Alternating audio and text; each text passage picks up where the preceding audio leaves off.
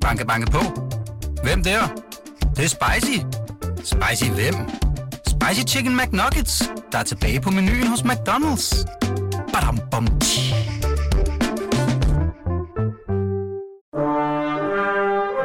Du lytter til Radio 24 Velkommen til det næste kapitel med Hassan Prejsler. Claus Hjort Frederiksen. Ja. Ja, så er jeg kommet hjem til dig. Ja. Øhm, her i første time af det næste kapitel. Øh, og det er jo, altså det er et fantastisk hus. Jeg kom, jeg kom lidt for tidligt, og derfor gik jeg ventet øh, lidt ude på gaden, øh, indtil det begyndte at regne så meget, at jeg tænkte, nu ringer jeg altså på. Ja. Men det er jo, at du bor direkte ned til Øresund, lige ved siden af Louisiana, altså Museet for Moderne Kunst, her i Humlebæk, nord for København. Øh, lige op ad en skov, hvor Krogerup, Danmarks smukkeste, ej, det kan man ikke tillade sig at sige, jeg gør det alligevel, Danmarks smukkeste højskole ligger. Ja. Og, øh, og, og, og altså i et gammelt ålefiskerhus, som din farfar ejede. Ja. Han var ålefisker. Hi- Historien her i, i byen er jo, at alle husene her, næsten alle husene her, blev ejet af Krogerup, øh, godset, Ja, hvor der i dag er højskole.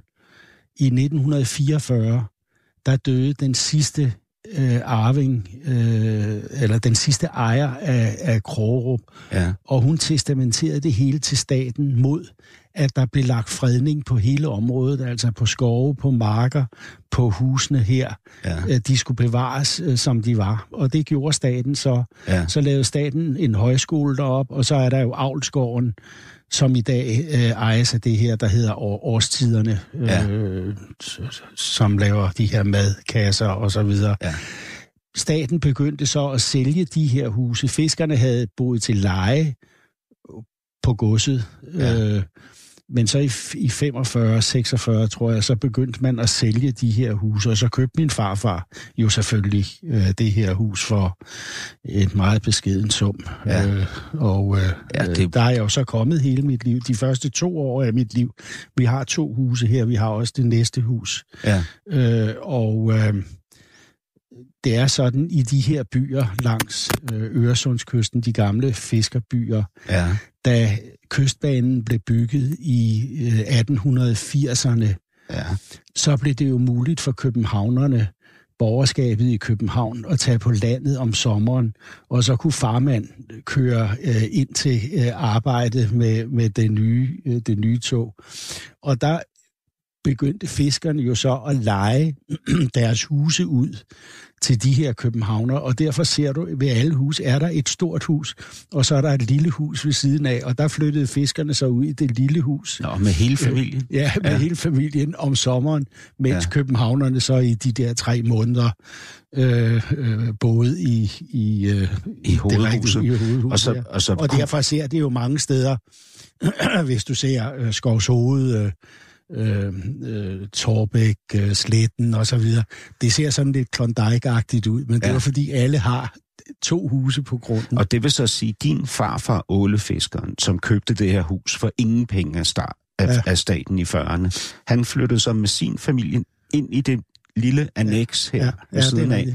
Og så er der boet københavnere her, ja, ja, som så hver morgen har taget badekåben på og, Og trådt direkte ud ja, i Øresund. Ja, ja, det, præcis. der er jo, hvad er der, fem meter hen Ja, ja, til, ja.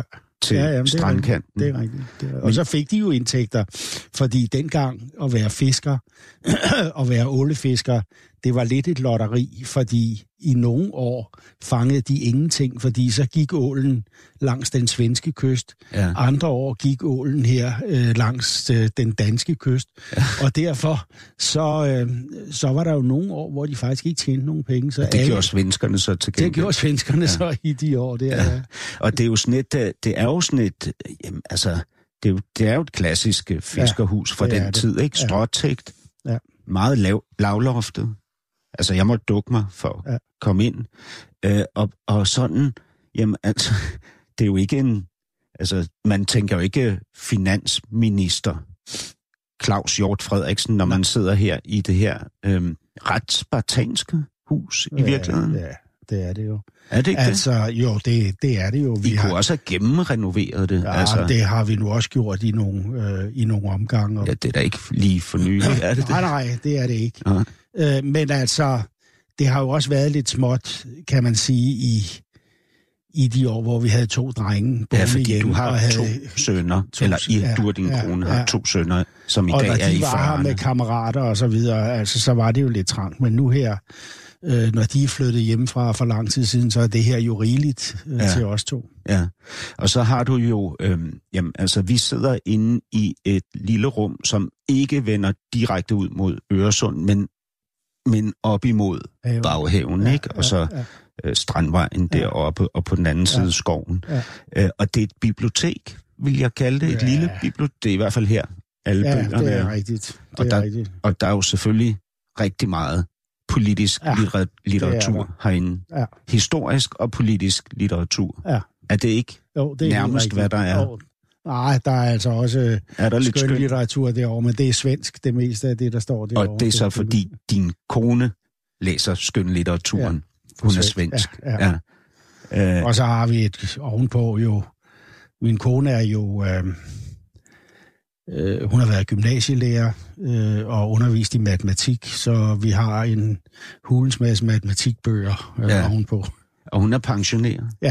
Det er hun. Men det er du ikke, Claus. Nej, det er jeg jo ikke. Trods af, at du jeg er er jo 72. pensionist. Ja, ja. Ja. Du, hvad mener du? Du er jo pensionist. Ja, altså, jeg opfylder jo kriterierne for at få folkepension. Ja, ja. Men det gør du ikke. Du arbejder. Ja, ja, ja. Det og du rigtigt. siger jo om dig selv, at uh, hvorfor i alverden skulle du lade dig pensionere og begynde at sidde og lave keramik Nej, eller ja. spille bridge?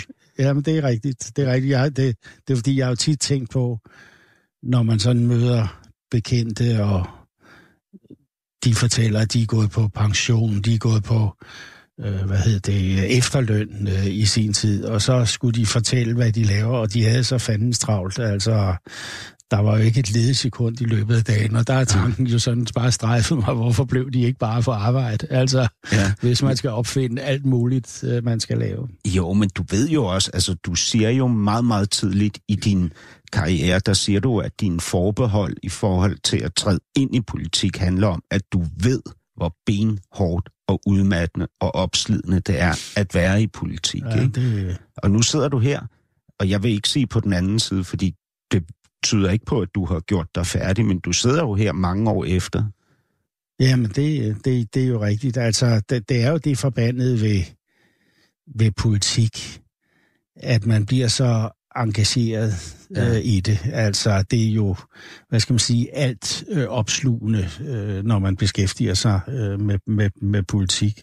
Og hvorfor Og det jeg er jo desværre, jeg er jo, jeg er jo desværre sådan, jeg har jo ikke en alt opslugende hobby, altså som, hvor jeg kunne sige, nu, nu dropper jeg øh, mit hidtidige øh, arbejde som folketingsmedlem, og så kaster jeg mig over mine, mine frimærker eller øh, et eller andet andet. Sådan en hobby har jeg ikke, og derfor altså så har jeg jo valgt at blive ved øh, i politik, og, og jeg har jo altså også kæmpet for, at vi ikke skal have de her aldersgrænser, at man skal gå, når man er 65, eller hvordan det nu øh, er, fordi jeg så jo min Du mor... bliver jo allerede konfronteret med det, da du er 60, ikke? Om det så ikke snart er Præcis. på tide, at du Og, og jeg, jeg, jeg så jo bare min mor, hun var leder af en stor øh, børneinstitution øh, i Vandløse.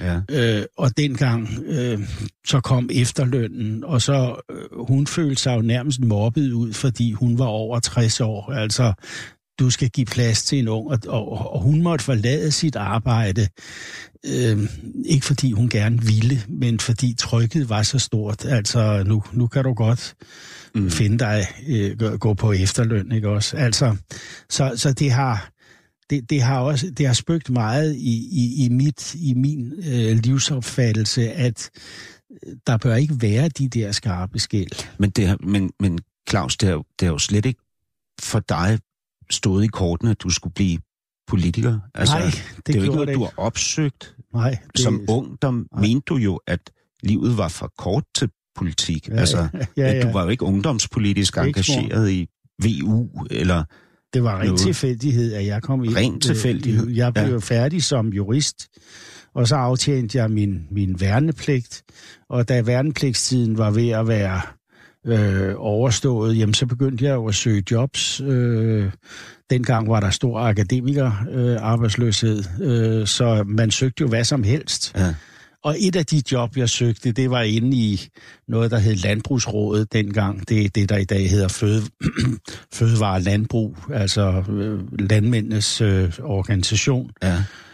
Øh, og der var jeg inde til samtale, og det gik jo meget godt, men et par dage efter fik jeg at vide, at de havde valgt en anden øh, til, Ja, og, til, og, til og det jobbet. sjove er, at de, deres argumentation, deres argument for ikke at vælge dig, var, at de vejede dig, men fandt dig for let. Øh, ja, Hvad det, betyder det? ja, det ved jeg ikke. Ja, altså, øh, det ved jeg faktisk ikke, øh, hvad, hvad det betyder. Men et, nogle uger senere, øh, så ringede, de, øh, ringede direktøren, øh, og så sagde han, ved du hvad, øh, jeg har fået en henvendelse fra Venstres folketingsgruppe, øh, og de søger en jurist, og jeg synes på vores samtale, øh, at øh, du, øh, det lyder som om, det kunne være noget øh, for dig. Har du noget imod, at jeg giver mit navn, øh, dit navn til dem? Ja. Nej, nej, sagde jeg så. Øh, endelig, endelig. Ja. Og så, øh, det var sådan lidt, lidt pinlig start, jeg fik øh, i, i min karriere, fordi så glemte jeg det. Så øh, øh, nogle uger senere ringede telefonen, og så var der en mand, der sagde, goddag, mit navn det er Holger Hansen, øh, jeg er sekretær for Venstres øh, folketingsgruppe. Og så sagde jeg, nej Henrik, Henrik, slap nu af, fordi jeg havde en meget, meget dårlig vane med en ven. Øh, vi ringede altid og sagde, goddag, det er politiet i Helsingør, jeg har set det, og så videre, ikke også? Ja. Eller, eller vi, vi ringer fra skattevæsenet, eller sådan noget. Ja. Og derfor sagde jeg, nej, nej, Henrik, du er afsløret, hold nu op. Ja. Så sagde han igen, mit navn det er Holger Hansen. jeg øh, er sekretær for Venstre. Hold nu op, sagde jeg så. Så tredje gang, så blev stemmen, du, du kender, den blev sylespids. Ja. Og så sagde han, nu siger jeg det for sidste gang. Og så gik det jo op for mig. Åh, det var jo det der. Og så måtte jeg jo begynde at padle baglæns, og det må de meget undskylde, og det er jeg rigtig ked af, og jeg har en dårlig vane. Og så, Men- og, så, og så kom jeg så ind til samtale hos Paul Hartling, ja. og øh, så sagde han, du, du er ansat. Hvordan så det var var det? min entré i politik. Jamen på det tidspunkt der, hvordan var det så at få job? Det var jo så en sekretærstilling i parti, i Ja, ja. partiet, i Ja, organisationen, det var jo, ikke? det var jo meget småt dengang. Meget småt. Meget, Ingen meget penge. Der var jo ikke statsmidler på den måde Det til var der ikke. organisationerne. Det var der ikke. Øh, og vi var to mand. Ja, du var juridisk Jeg var jurist, ikke? og så var der også en økonom, og Ja. ja. vi skulle så bistå øh, folketingsmedlemmer. I dag er der jo 100 mennesker Det var jer to, der var partiorganisationen, ikke? Nej, der var altså en partiorganisation Ja. ja. øh, ved siden af, altså Ja. Ja. med medlemsregister og medlemsregister. Ja. Ja. ja, altså sekretariat på Christiansborg. ikke? Ja. Ja. Og det, det var sådan set min, min entré, fordi jeg kommer fra et, øh, altså jeg kommer fra et pænt borgerligt hjem øh, på, på, på Frederiksberg, og mine forældre var vel almindeligt borgerligt politisk interesseret, men ikke, altså ikke ekstremt, og gik op i øh, øh, alle mulige mærkelige sager. Så Ja. på den måde lå det, jo ikke, lå det jo ikke i kortene, at jeg skulle gøre en politisk karriere. Var de venstrefolk, dine forældre? Øh, ja, de var borgerlige. De vekslede mellem venstre og konservative. Øh, Ja. så Ja, fordi Venstre dengang, det var jo ikke et byparti. det var ikke et byparti, nej. Og jeg ved, at i hvert fald ved, ved kommunalvalg, øh, der stemte de på de konservative. Det, det gør man ude på Frederiksberg. Det gør man nemlig. Men, men din far, øh, Niels, var prokurist. Ja. Øh, altså direktør eller leder. Ja, ja, ja. Ikke? Og din, din mor var børnehaveleder. Ja. Elna hed hun. Øhm, du, øh, øh, Claus, nu taler vi om, at det ikke lå i kortene, at du skulle blive politiker. Din drøm for, hvad du skulle blive i fremtiden, var jo heller ikke at gå i din fars fodspor. Altså at få en mappe under armen og et jakkesæt på, og så gå på arbejde. Nej. Det ville du ikke. Du, Da ville, jeg- du ville være asfaltarbejder. Tjærmand, tjærmand, som... Øh, jamen altså, vi boede inde på hjørnet af Sankt Anne Plads øh, og Bredgade. Ja. Og hver dag øh, klokken lidt i 12, Ja. ja. så stod jeg jo i vinduet, og så så jeg jo øh, Livgarden øh, Ja. ja. komme ned til, øh, til Amalienborg. Og så begyndte de at lave noget asfaltarbejde øh, dernede, og så sagde jeg til min mor, øh, jeg ville være asfaltarbejder, fordi jeg ville ikke bare være sådan en som min far, Ja. der gik med en mappe Jamen, var, det, var det bare sådan en grille, eller var det et reelt ønske? Nej, det var, jeg var så lille, så det var ikke noget øh, øh, reelt ønske. Okay. Jeg går ud fra, at det er ligesom, at andre ville gerne være brandmænd, og Ja. nogen ville gerne være politimænd og sådan Ja, noget. jeg vil være pølsemand. Ja, du, ja, Ja. det har jeg jo altså også altid villet, fordi det må være et super arbejde Ja, det øh, tænker at jeg være også. pølsemand. Og ikke mindst fordi, hvem kan kontrollere, hvor mange pølser du selv sælger Også det. i, i løbet af en dag? Altså, hvor mange du så kan Ikke også? indtage små. Altså, hvad, hvad koster en pølse? En krone eller sådan noget? Men ved du hvad, jeg var og også et brød koster 25 øre, så sælger du det for 25 kroner. Det er da ja, super. Ja, det er så ikke det, priserne er længere, men det var de dengang. Ja. Nå, men det var også det der med, at hele ens liv kunne være inde i den der pølsevogn, med, og så havde man den der lille motor, ikke? Ja, og så ja. Var det, det, det var ligesom sådan, for mig som barn, så var det enkelheden i det der, ja, ikke? det som var meget modsat af det, mine forældre lavede. Som Men, men jeg tror faktisk, at, at da jeg blev færdig med studentereksamen, øh, så begyndte jeg faktisk på Handelshøjskolen øh, inde i, i, i, i København.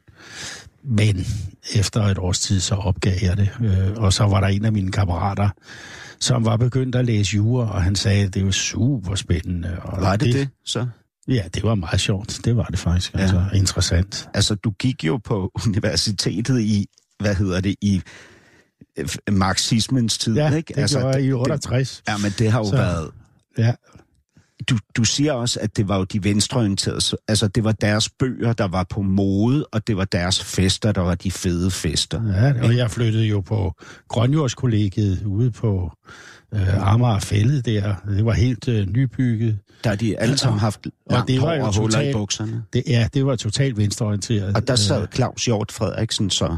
Ja, som- og blev faktisk, øh, hva- hva- hvad skal man sige, politisk hærdet på en eller anden måde, fordi det var jo i Vietnamkrigens tid. Øh, og alle hyldede jo Mao Zedong og øh, Pol Pot og øh, hvad hedder de, øh, Lenin og Stalin og alle, Marx og Mao og alle de værste typer Mhm. var ligesom, øh, hvad skal man sige, idealet for mange.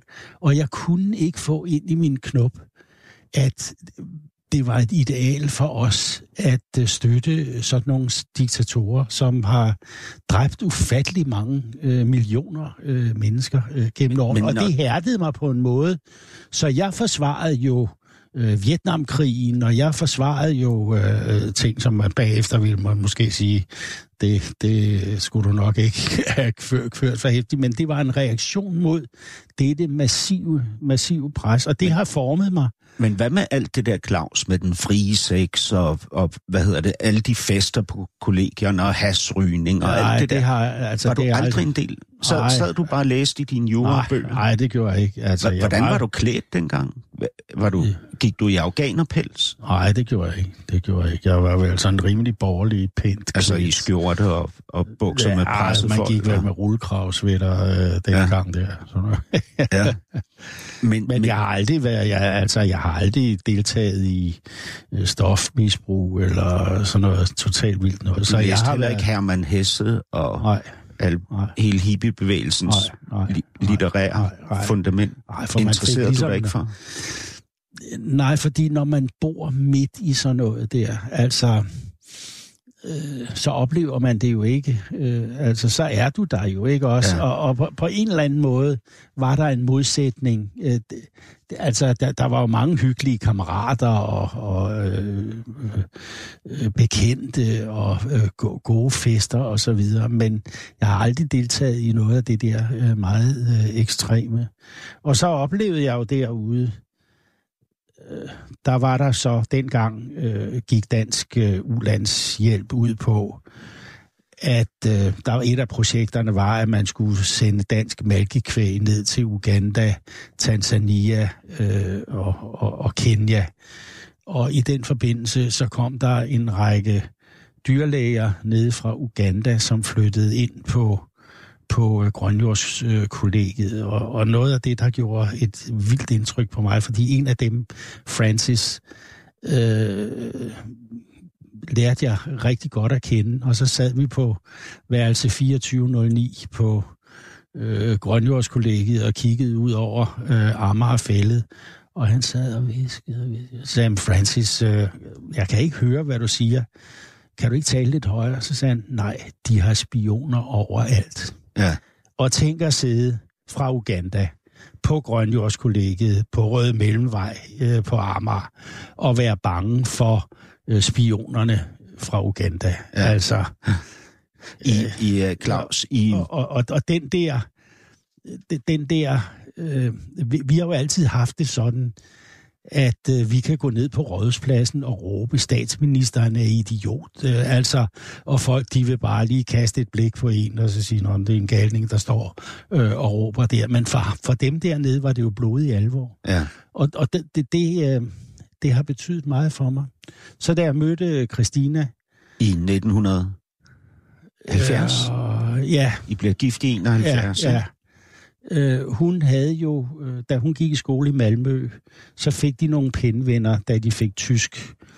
Øh, og så skulle de skrive sammen med en skolebarn, eller en, en, en jævnaldrende i, i Tyskland. Og hun begyndte at skrive med Heike og sådan noget... Øh, I Østtyskland, I ikke? Østtyskland. At Og Christina var ikke klar over det der med Østtyskland og Vesttyskland. Det var børn jo ikke. Øh. Så... Øh, øh, så skrev hun på et tidspunkt, øh, kan du ikke komme op og besøge mig øh, i, her i, i, i, Malmø? Og så måtte faren skrive et brev, at øh, øh, det kunne man øh, ikke rigtigt. Men vi har jo så, da vi blev gift, øh, har vi jo... Øh, har vi jo været meget nede i Østtyskland, altså at besøge Horst og Heike, som boede øh, i en stor villa øh, nord for Berlin. Ja. Øh, og øh, den havde de købt, fordi de ville gerne have, at hans mor flyttede ind sammen med dem og kunne passe deres to børn. Fordi øh, Heike, øh, hun ville gerne genoptage sit arbejde som sygeplejerske og ikke være hjemmegående. Men da øh, hans mor så skulle flytte ind, så fik de at vide, at der, sad, der var nogle andre i boligkøen øh, før, før øh, hende. Så der flyttede så ovenpå før, op på første sal i huset en vildt fremmed familie ind. Ja. Og det viste sig så, at det var en Stasi-officer, Ja. øh, der flyttede ind der. Altså det østtyske statssikkerhedspoliti, Ja. ikke? Ja. Og, og i alle år har de jo ikke kunnet snakke med deres børn, fordi øh, altså at sige, hvad, hvad fanden er det her for noget? Øh, ja. I er angst for, at de slader. Og når vi var nede og besøge dem, så sad vi jo bare og snakkede almindeligheder i, i huset. Øh, men når vi så skulle snakke lidt, så gik vi ud i skoven, øh, Ja. ja. og så kunne man så snakke lidt. Og det pres, det pres mennesker lever under, ja. af angst for det ene og det andet, det, det er ubeskriveligt. Altså, og det har gjort et mega indtryk på mig. Men, Øh. men Claus, vil, vil du sige, at de, din politisk, alle dine politiske aktiviteter stammer fra de oplevelser, Ja. altså Ja. pennevennen Ja. fra Østtyskland og den Dyrlægen fra Uganda. og, og dyrlægen fra Uganda, der Ja. måtte viske på grund af regimet, Ja. Idi Amins regime. Ja, ja, ja. Ja.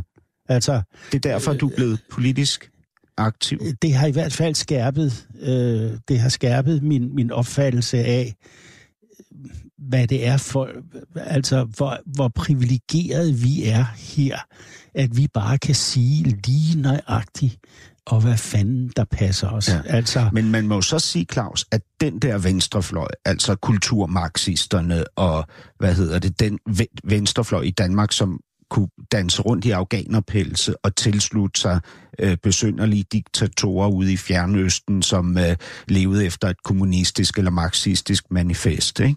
Det, det, de, de er jo væk. De har jo tabt kampen. De eksisterer jo. De findes jo ikke mere. Nej, jamen, og det er jo også den, det, det, det er jo den store øh, forandring i dag, fordi de findes jo ikke i dag. Altså, øh, og, og, og, og man kan sige, det vi har Hvad er det så, du slås for i dag?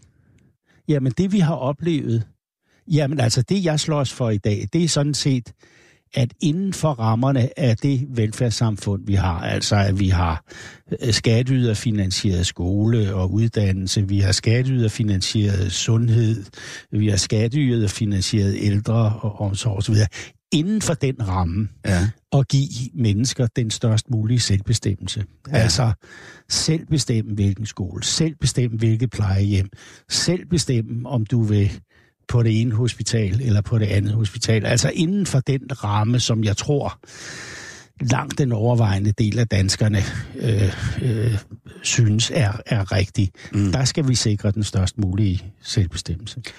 Til nye lytter, hvis du lige er kommet til.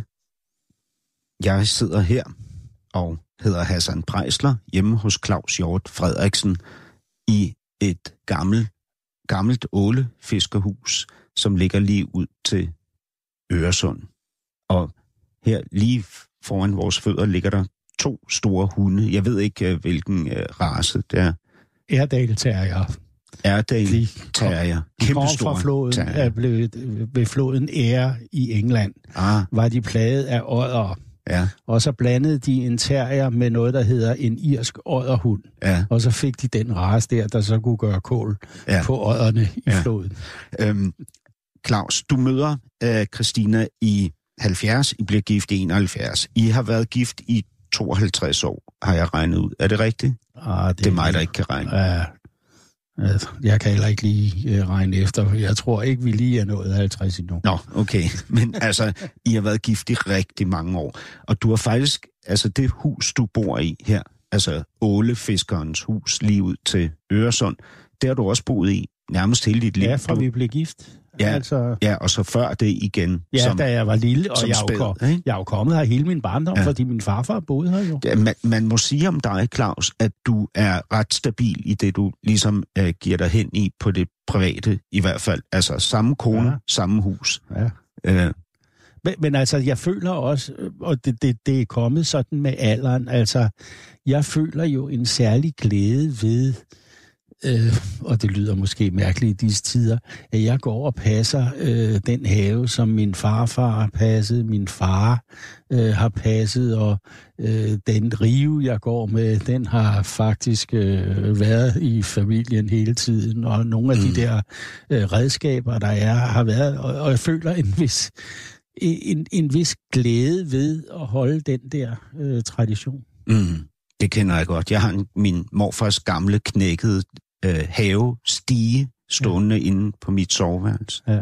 Ja. Ja. Men, men og I har også to sønner. Ja. Øh, Andreas og Christoffer, de er i 40'erne, begge ja. To. Øh, jeg, da jeg trådte ind her, så, så så jeg den her bogreol, som vi sidder og kigger ja. På nu, og ja. så sagde jeg, øh, det må være dine børnebørn. Og det er fordi, der er billeder af to, Ja.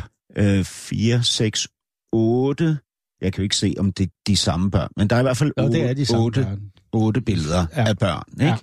Ja. Øh, så jeg, jeg tænkte jo med det samme, det må være dine børnebørn. Ja, men altså, det er jo øh, Simon, som øh, det, det er ham, der er deroppe på soldaterbilledet. Ja. Øh, han har jo været her øh, hele, sit, øh, hele sit liv. Hvad, hvad betyder det, hvad? Øh, jamen altså, han spiste her, og øh, de har gået i skole med den ældste søn, Andreas, og ham har gået i skole sammen. Så han er opfattet som et barn af familien, og det er så hans, øh, hans øh, øh, børn.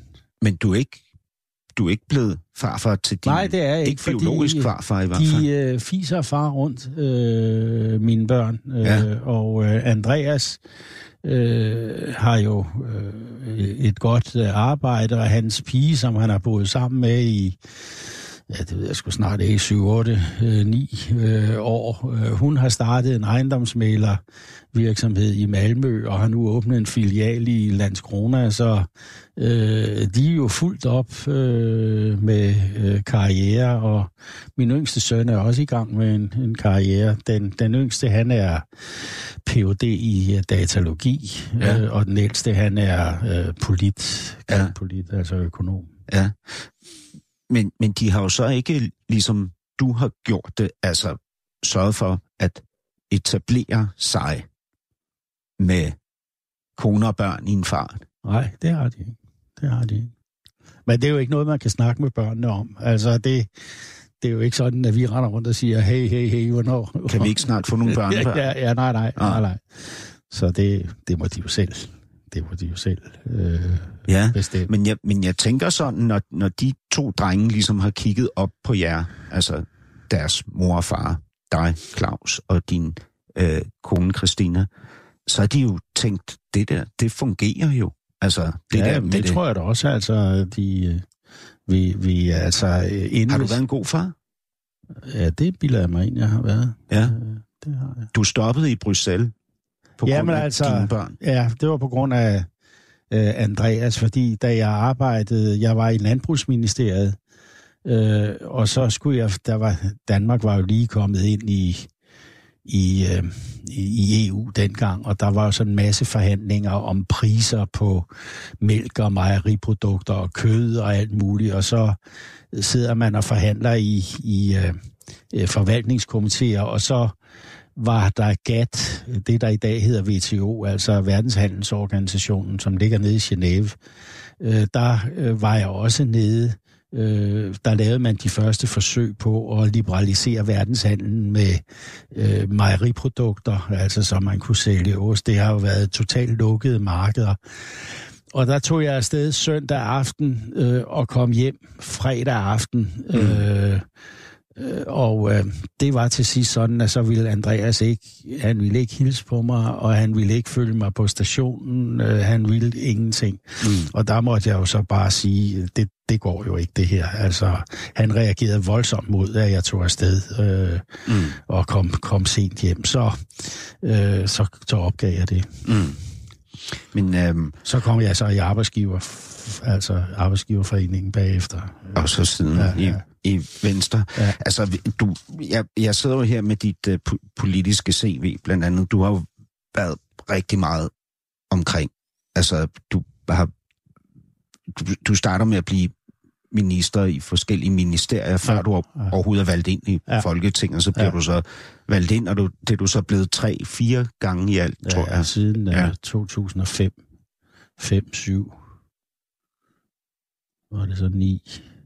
du starter med, du starter med at få et af de, øh, jeg tror, du bliver nummer fem i ministerrækken, da du får beskæftigelsesministeriet. Ja, Ja, ja, Men siden får du også, altså du får jo måske det største ministerium, der har været i Danmarks historien, øh, dengang du bliver finansminister, ja. får det her sammenlagte ja. superministerium. Ja. Ikke? Det er rigtigt. Øh, og, og, og så har du så ud over det ligesom været bagmanden, kan man sige. Altså da Anders Fogh Rasmussen bliver vinder valget øh, stats, og bliver 2001. statsminister i Ja. ja. 2001, tre år efter et brutalt nederlag, hvor Venstre, du og Venstre taber valget, Ja. øh, og, og beslutter jer for at reformere, ikke? Men da I Jo, så vinder det, i 2001, så står Anders Fogh Rasmussen på talerstolen efterfølgende og takker ikke sin kone eller sine børn eller sin ældste ven, men dig, Claus Ja, ja. Hjort Frederiksen. Altså, du har jo ligesom stået Jo, bag jo, fordi vi- vi, Venstres altså, jeg har- reformation ja, og så det videre. har jeg været, ikke også? Og det vi oplevede i 2000 og altså i 1998, hvor vi tabte det her valg med et mandat, det var jo ligesom sådan en, en, en, en effektiv øjenåbner, fordi det gik ud på at sige, hvad skal der egentlig til for at flytte det ene mandat fra rød blok til blå blok. For mm. hvis vi kunne flytte det ene mandat, så havde vi jo øh, haft, så havde øh, Uffe Ellemann været sta- statsminister. Mm. Ikke? Så det var, det var sådan en øjenåbner, og det, det i gang satte så i de der år fra 98 til 2001 en, en, en, ref, en, en, en reformproces øh, i Venstre, øh, fordi Anders Fogh er jo et meget målrettet meget målrettet menneske. Ja, sådan Og- virker og, han. Ja, Ja, det må og, man og sige. Da, da, øh, da Uffe der valgnatten havde sagt til os, øh, at nu går jeg af, og vi, vi prøvede jo den der automat, ah, Uffe, vent nu lidt, øh, et mandat, der kan jo ske meget, der kan blive valg igen om otte måneder, øh, øh, men Uffe sagde, nej, når man har været der, hvor jeg har været, så kan jeg ikke trække mig selv øh, derop en gang til. Mm. Men der næste dag, der mødtes Anders og jeg, øh, og hvor Anders så jo så siger, hvis man accepterer at blive formand for Venstre, så er det jo for en 10-årig periode. Det viser sådan, hvad skal man sige, historien. Ja. ja. Øh, og, og jeg vil jo ikke bare blive formand for Venstre, hvis der ikke er noget formål med, hvad vi skal. Altså, vi er nødt til at lægge øh, en plan, og det gjorde vi jo så. Altså lagde en plan fra det, vi havde i baghovedet med, at det var en, der skulle flyttes fra rød blok øh, til blå blok. Mandat. Øh, ja, Men... og, og, og så skulle vi jo så også reformere øh, vores politik. Altså, vi fra at vi havde kæmpet for kæmpe skattelettelser og store offentlige besparelser, så lagde vi jo kursen om øh, og sagde, øh, danskerne er glade for det her skatteyderfinansierede velfærdssamfund. Det er vi sådan set også, fordi vi har været med lige siden 30'erne til at opbygge øh, socialreform, øh, miljøreform, øh, arbejdsmiljø øh, osv. Så det er vi, det er vi helt øh, med på. Men vi fremstår som for barske, og derfor skiftede vi jo... Og med bars, så mener du for liberale, måske? Ja, altså... Altså liberale ja, i dansk ikke, ikke også, forstand. Ja, ja. Og derfor sagde vi jo, nummer et, vi går ind for skattestop. Ja. Altså, vi går ikke vi går ikke til valg på, at vi vil sænke skatten øh, voldsomt. Vi går ind for skattestop. Og det var på den måde, vi sådan, hvad skal man sige, øh, fik lavet en anden profil på det, øh, den liberalisme, som øh, Venstre står for. Men det, men det er jo sådan en, hvad hedder det, det er jo, det er jo sådan en, altså det er jo en konstruktionsforandring, ikke? Fordi det er jo, øh, det er jo, det, det er jo rigtigt, at I, I ligesom, så begynder I at omformulere det liberale projekt, ikke? I, i, i en venstre sammenhæng i hvert fald. Ja. Og det er jo for at prøve at fange de her marginalvælgere, ja. ikke? Altså ja. dem, der svinger frem ja. og tilbage, og ikke er, er hvad hedder det, klassiske øh, liberalister, men, men, men pendler mere, ikke? Men... Øh, og så, og så øh, ud over det, så øh, altså, jeg, jeg, jeg, jeg tænker bare, så bliver I jo, så går I jo også fra at være et landparti til et byparti, og det, det er jo også projektet her, ikke? Men det er jo, hvad hedder det, det er jo brutale, hvad hedder det, vilde omvæltninger.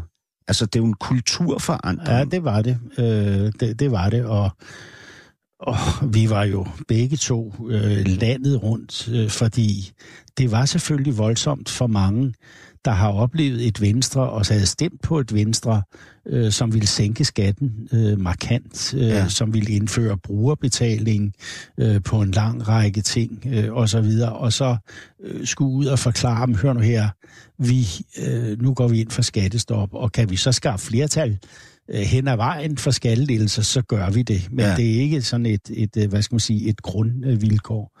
Men vi oplevede jo det, Altså, vi, vi havde jo landsmøder, vi havde øh, de lange diskussioner om det, men vi oplevede jo så i 2001, at jorden var beredt for det i Venstres organisation. Så det blev mm. jo accepteret, øh, og jeg tror, at de fleste er glade for det øh, i dag, øh, at vi lavede den der ændring. Det, det, man kan jo også sige, at lige præcis det her er jo dit livs projekt.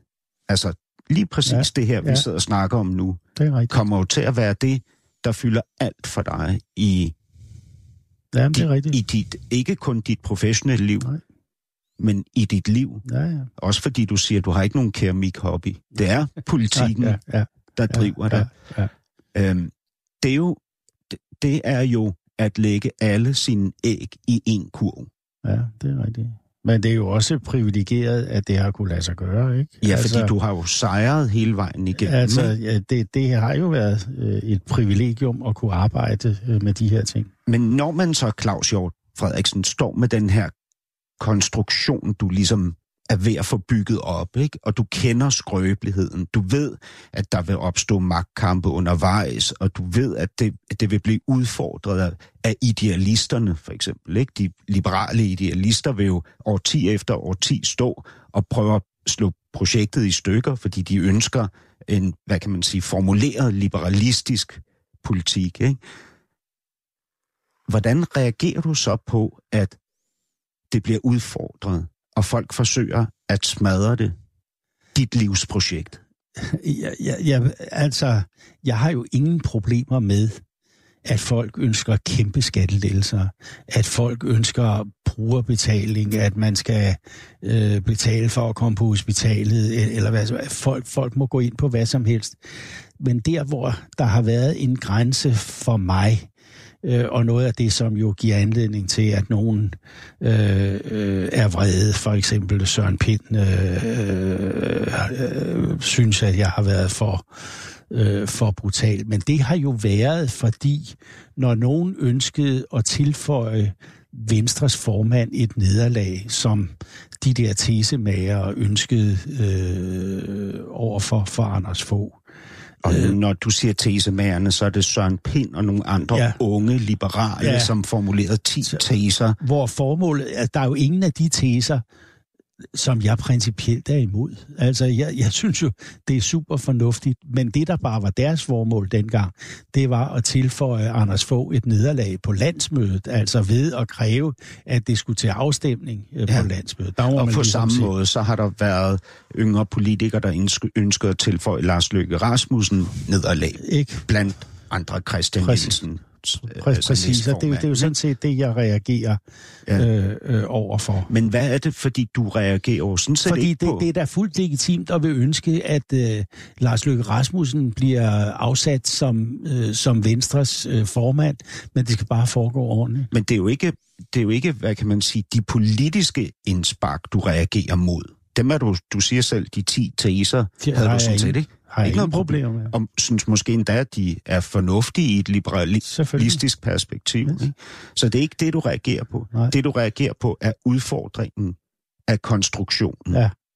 Altså, og ja, udfordringen ja, men, af dit livsprojekt, kan man sige det? Nej, det, det synes jeg er at gøre det for øh, jeg ved ikke, patetisk. Altså, hvad, hvad mener du med det?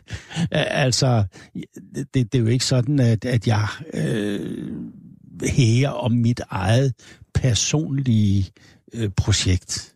Altså, det der for mig... Så er du da det eneste menneske i verden, der ikke hæger om sit eget personlige projekt. Øh, ja, det jeg hæger om, øh, det er jo sådan set øh, at bevare Venstre som en øh, stærk øh, kraft øh, i dansk øh, politik. Og placere Venstre sådan, at vi rækker over midten øh, i dansk politik. Altså, Venstre skal være det parti, der kan hente øh, stemmer over midten i dansk politik. Øh, det kan øh, Liberal Alliance ikke, det kan Nye Borgerlige ikke. Øh, øh, så, så derfor er der brug for øh, et Venstre. Det, det er det, jeg hvis du vil bruge udtrykket hæger om.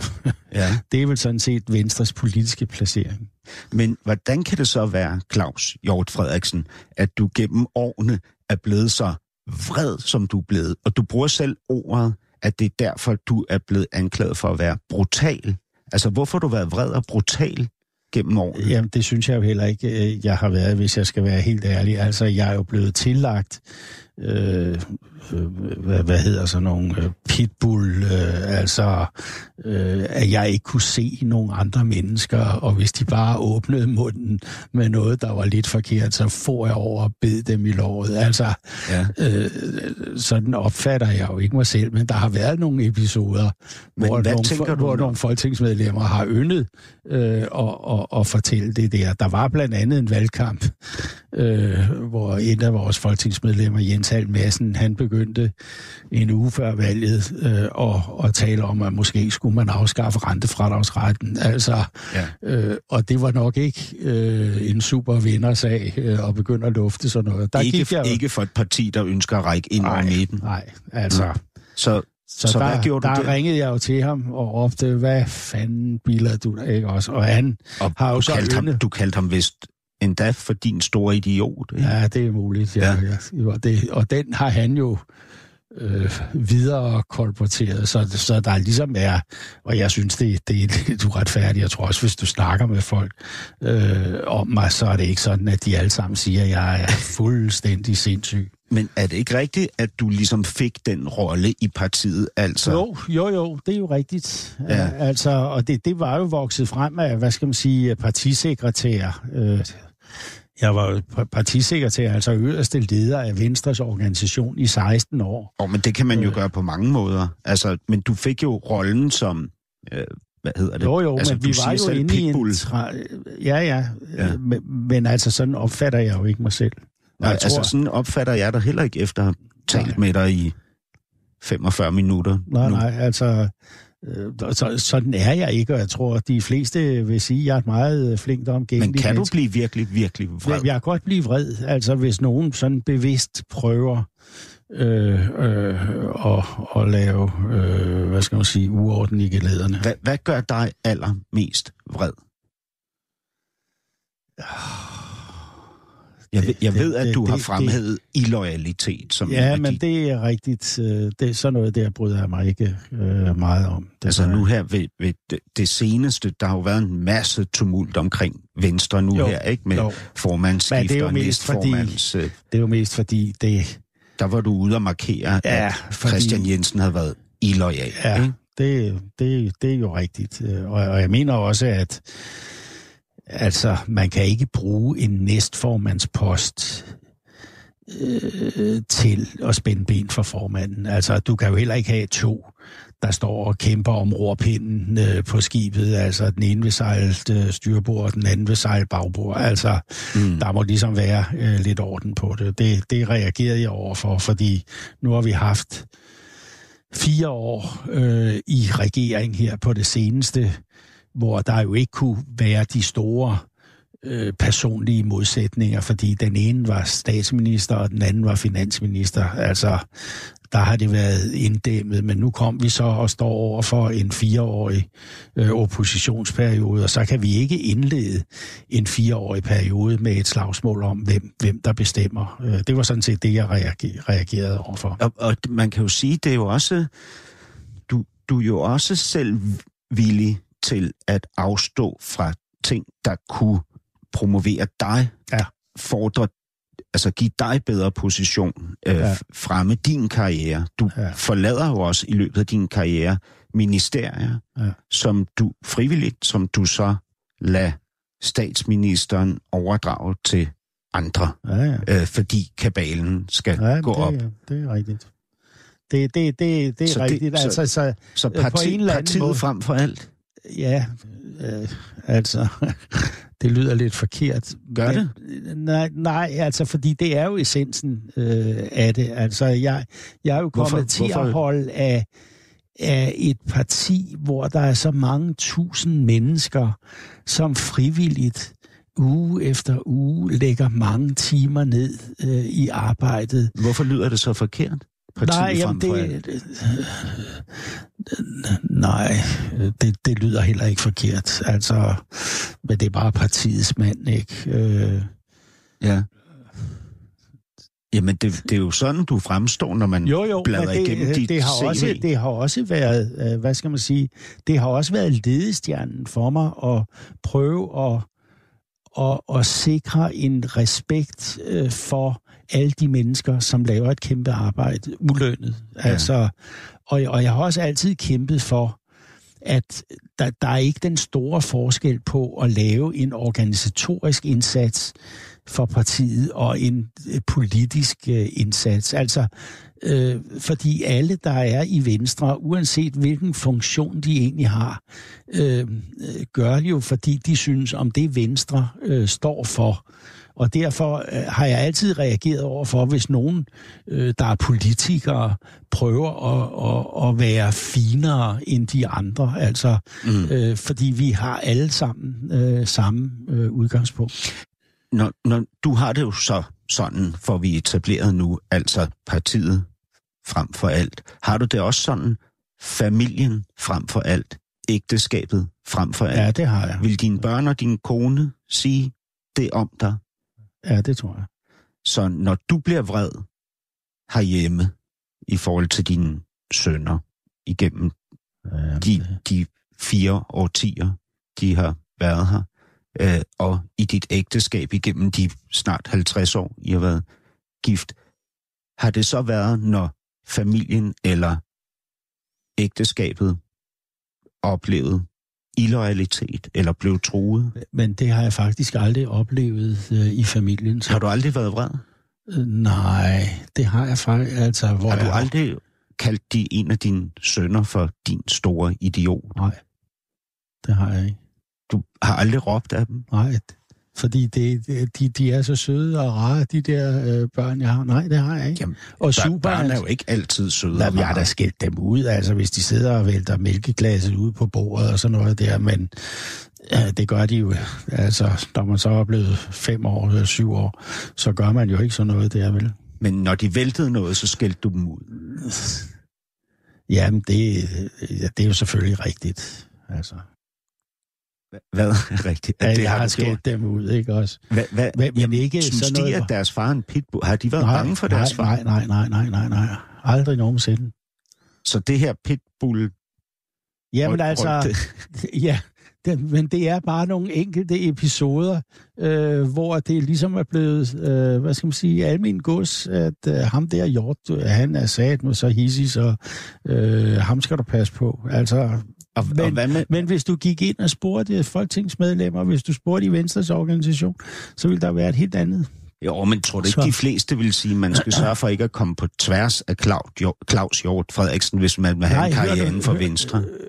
kun på den måde, hvis man vil lave ballade, om man så må sige. Ja. Altså, øh, jeg anerkender jo fuldt ud, at folk kan politisk mene lige nøjagtigt, øh, hvad de vil. Ja. Øh, og det, det har jeg ingen ret øh, eller ønske om at sige, det der må du ikke mene, øh, fordi du, du skal mene noget andet. Det har aldrig øh, nogensinde øh, øh, prakt, praktiseret. Men det er klart, at hvis du oplever i en stor organisation, at nogen er ude på at lave et eller andet, øh, der medfører en skade eller øh, øh, et, et tab øh, for formanden, eller hvad, hvad det nu kan være, jamen så har jeg været på vagt øh, over for det. Mm. Altså, øh, vi har jo diskuteret meget med, med øh, politik øh, her i huset, Altså, Øh, du og Christina, din ja, og børnene, og, og, og dine børnene, sønner. ikke? Og da de øh, gik i skole, øh,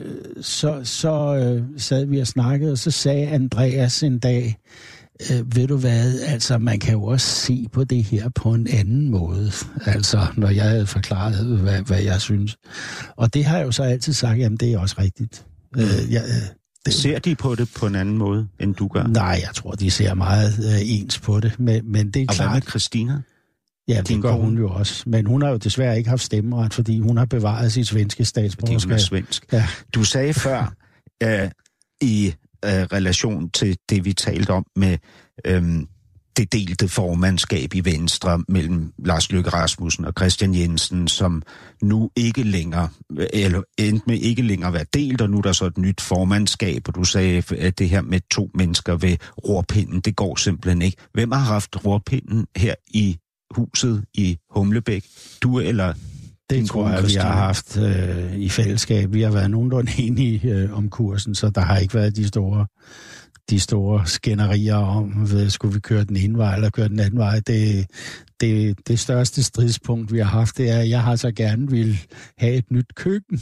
Ja. øh, og det har Christina øh, modsat sig og, i overvis. Så jeg har aldrig fået øh, det der nye køkken. Hvor- Så vi har det der øh, gamle køkken. Hvorfor så, vil hun ikke have nyt køkken? Det ved jeg ikke.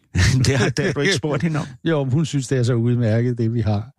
Så ja. den kamp har jeg jo så øh, tabt, og nu har jeg så vendet mig til tanken om, at jeg får aldrig et nyt køkken. Ja. Okay. Øhm, altså, jeg må jo sige, Claus, altså, medmindre jeg kun oplever en side af dig, og, der er en anden side af dig, som er hemmelig, så øh, oplever jeg jo en, en helt anden Claus Hjort Frederiksen, end jeg havde forventet. Fordi du jo... Altså, jeg kan simpelthen ikke... Nu sidder jeg og stiger dig ind i øjnene. Jeg kan ikke se noget pitbull i dig. Nej, Er du bare så blød og ja, rund er- og varm Ja, ja, simpelthen. og kærlig? Og så i nogle enkelte situationer, og det har jeg jo prøvet at forklare jer nu, altså hvis man vil rokke ved stabiliteten i partiet, øh, så har jeg reageret. Men ikke over for, om folk ønsker at kæmpe skattelettelser, eller de ikke vil betale skat, eller hvad. Det har folk fuldstændig lov til at mene, som de vil. Claus Hjort Frederiksen, nu er tiden gået. Øh, altså, jeg, jeg bliver simpelthen nødt til at gentage øh, det, jeg lige sagde. Jeg har aldrig nogensinde oplevet at komme hos en gæst i programmet det næste kapitel og være så øh, afslappet, som jeg er her sammen med dig. Der, øh, hvad hedder det, det, det er øh, meget, meget hyggeligt at besøge dig og møde dig. I lige måde. Vi ses igen til anden time af den næste kapitel, som så er inde hos mig inde på radioen. Tak for nu. Selv tak. Du lytter til Radio 24 /7.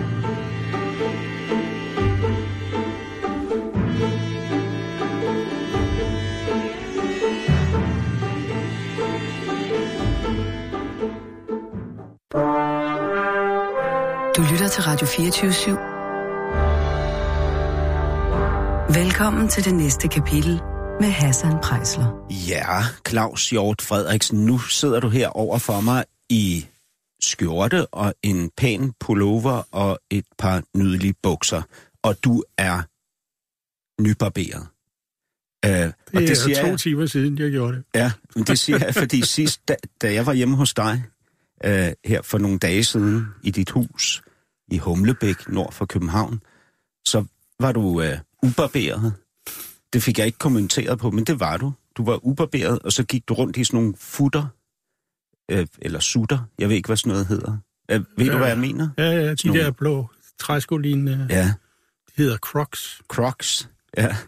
og, og det så nærmest ud, som om du havde dit havetøj på. Ja, det var det vel også.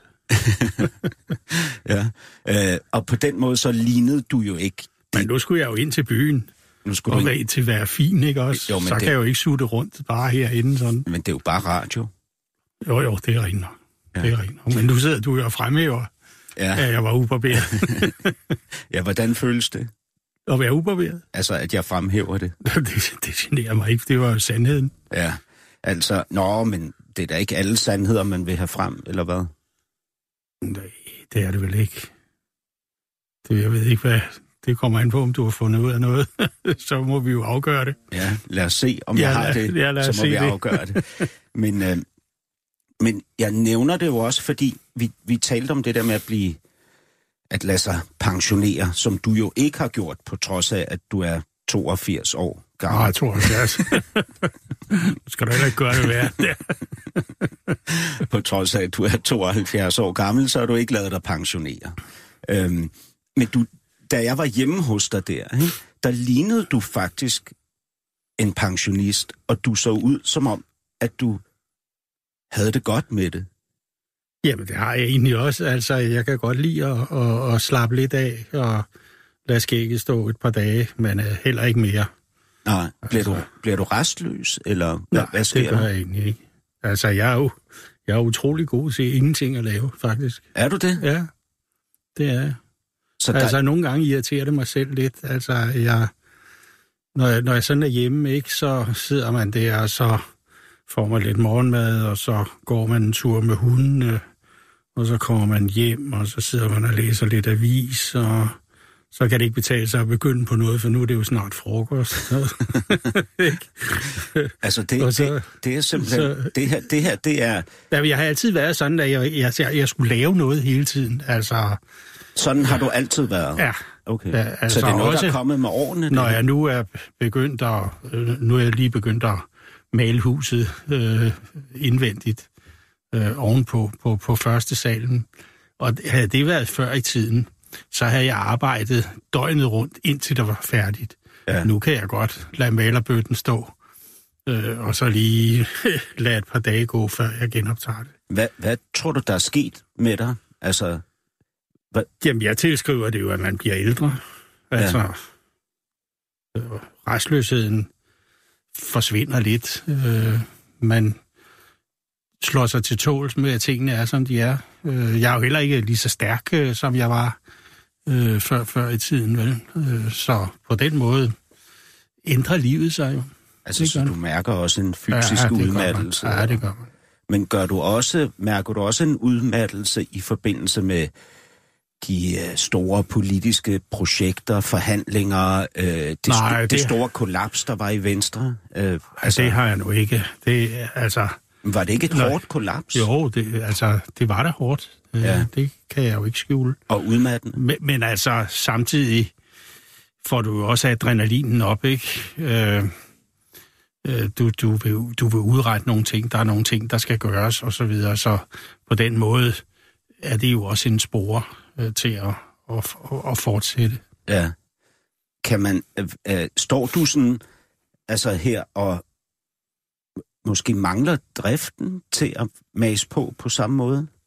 Nej, det kommer lidt an på, hvad det er. Altså, det, altså når du sidder hjemme og skal ordne din have, det er jo sådan en slags evighedsarbejde, øh, ikke? Ja, så skal du det- fjerne bladet, så skal du fjerne bladet. Ja, ligesom, pu- ligesom pol- politik virker til at Ja, være. det er alligevel noget andet. Det er alligevel noget andet, ikke? Så, jamen jeg ved ikke, hvad jeg skal sige til det. Jeg er i hvert fald god til at, og, og ingenting at lave. Ja.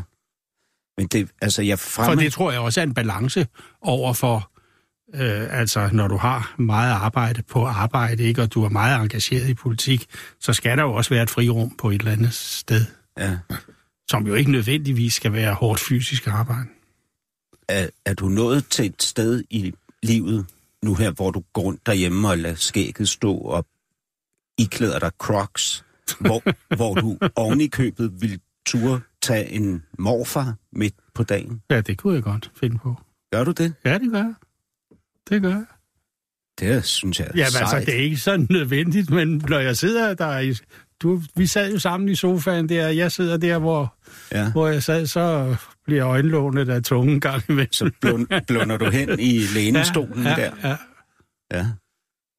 Jamen, men jeg, jeg, jeg synes faktisk, det, det er sejt. Altså, modigt.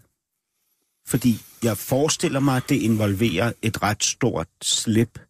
Altså, der, der er ligesom noget, du skal give slip på, Jo, for jo. at gå derhen. Jo, jo, det, det er jo selvfølgelig rigtigt, men altså ved du hvad, når man nu har været dybt engageret øh, hele sit liv, altså så, øh, så sker der jo også nogle ting, når man sådan nærmer sig øh, sin pensionering. Øh, altså livet skifter lidt fokus, ikke? Altså, jeg er jo godt klar over, at jeg kan ikke fortsætte til jeg falder død. Ja, det kan være, at jeg falder død om i morgen, så... Men det er der jo andre, der har gjort. For eksempel dit store idol, Henning Christoffersen, fortsat jo ja, ja. aktiv ja, ja. i politik, Ja, det gjorde til han døde Ja, for, ja. for ikke så mange år siden. Ja, det er helt rigtigt. Som 78 år. Men det er rigtigt. Det er rigtigt. Hvorfor ikke dig? Jamen, det kan da også godt være. Øh, Det kan da også godt være. Men jeg er ligesom bare begyndt at indstille mig på, at nu skal arbejdskadencen lidt ned. Ja.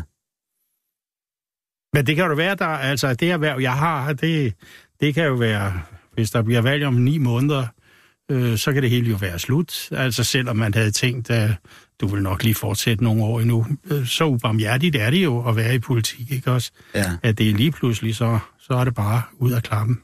ja. Men det er jo et vilkår. Og måske ville det endda være føles barmhjertigt.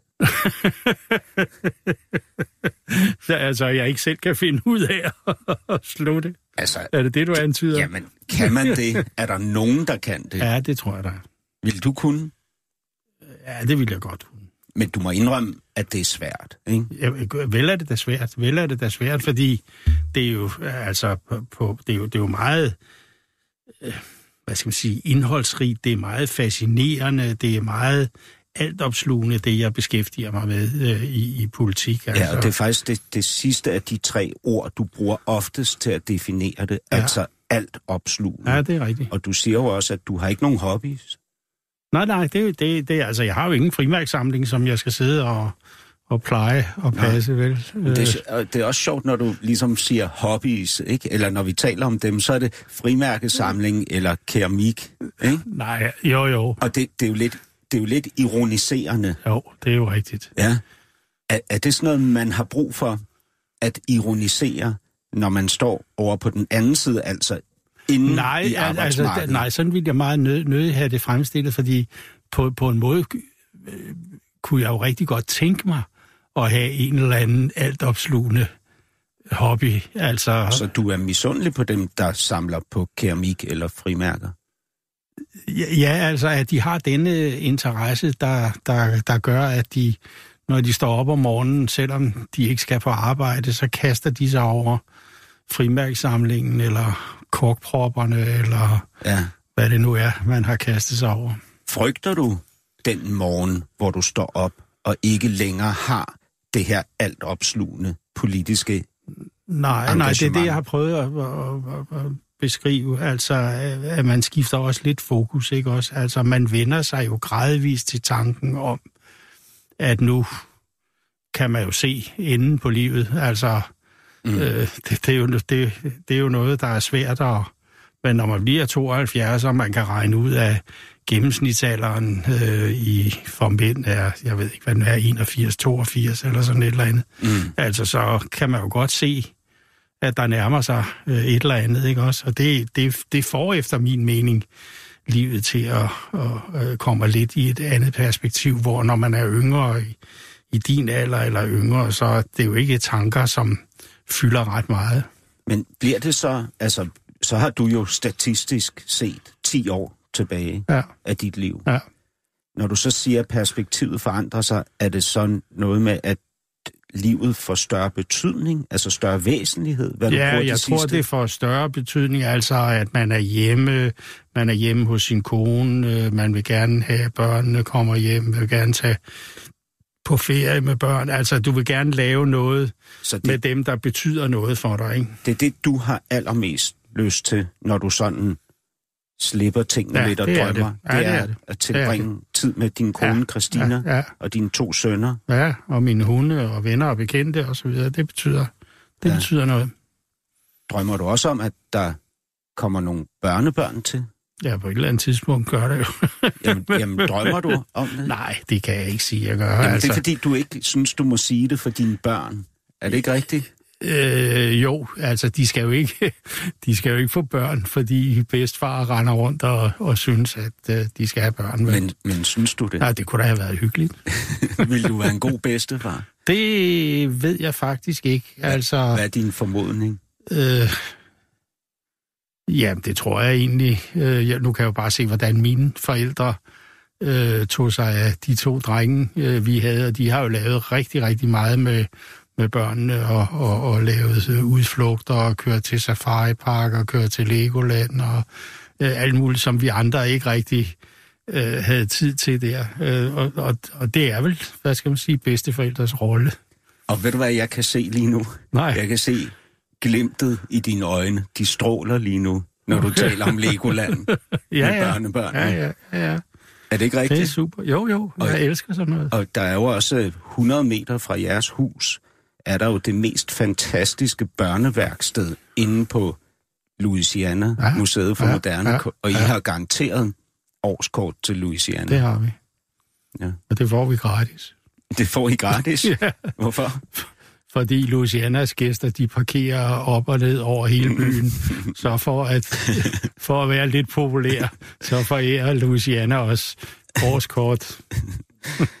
øhm, Nej, men, men jeg, jeg taler om det her med dig øh, for det, først og fremmest, fordi jeg synes, det er spændende, men lige så meget, fordi det er jo en overraskelse for mig at se øh, en af Danmarks mest magtfulde mænd se sådan ud, som du gør, og være sådan, som du er. Jeg sagde det også lidt i slutningen af første time, altså at du jo slet ikke i hvert fald i løbet af første time, gav udtryk for at være den pitbull, du så ofte ja, er det... beskyldt. Men det er jo flere ting end det.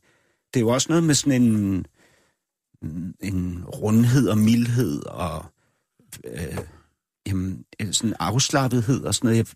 Jeg, altså, fordi Claus, du har jo, altså inden for de sidste, jamen altså siden slut 90'erne engang, har du jo været en af Danmarks mest magtfulde mænd inden for politik. Jamen, det er jo rigtigt. Det er ja, jo rigtigt. Ja, det kan man ikke øh, komme Nej, udenom. det kan man ikke komme udenom. Nej. Men altså, øh, der, der skal jo bare være den balance i livet. Altså, nu har du et billede af mig som sådan en skrab magtmenneske, som bare går øh, efter, efter magten, og det prøvede jeg i sidste time at ligesom forklare, at det er jo ikke sådan, jeg ser mig selv. Nej. Altså, jeg er jo bare et helt almindeligt menneske, som har øh, haft, øh, hvad skal man sige, et politisk job og har, og har siddet i Folketinget, har siddet i regering øh, i mange år, har bestemt øh, mange ting, som du siger. Men det er jo ikke privat, Claus, om man så må sige, vel? Altså, fordi jeg er jo ikke en, der så render rundt og bestemmer derhjemme, og så stiller I op på række, og så øh, gør I sådan og sådan. Altså, mm. det har jeg jo aldrig været. Men du har, du er jo gået op og ned af andre magtfulde mænd, Ja, mennesker, ja, ja. især mænd faktisk, ikke? Øh, Eller Venstres formænd ja, ja, i den ja, periode ja, ja. har været mænd, ikke? Jo. Og de her magtfulde mænd, altså jeg kan Men huske... de er jo også anderledes, når de er hjemme Ja, privat. selvfølgelig er de det, men, men jeg kan faktisk huske, at jeg som ung i et interview hørte Uffe Ellemann sige, ja, selvfølgelig er jeg vild med magt, ellers så skulle jeg ikke være i det her, ikke? Noget Nå, i den stil. ja. Jeg, jeg har ikke citatet helt Nej, korrekt. det Det er bare jeg, noget, jeg det husker jeg fra min ungdom. selv. Den opfattelse har jeg ikke selv, Nej, at jeg er vild med magt. nej. Altså, jeg vil gerne prøve at dreje udviklingen. Men I- du har jo set det i nogle af de andre mænd, du har gået op af, at de faktisk glædes ved magt, ikke? Eller hvad? Jamen, jeg ved ikke, øh, det må have været et uforsigtigt øjeblik, Uffe har sagt det der. Er, er det Øh, uforsigtigt at sige det? Jeg synes, det var ja, så fordi jeg ærligt. synes, ikke, jeg synes ikke rigtigt, det svarer til, hvordan Uffe Ja. som menneske er og har været i alle de år. Ikke et magtmenneske. Nej, ikke på den måde. Og heller ikke Anders Fogh Rasmussen.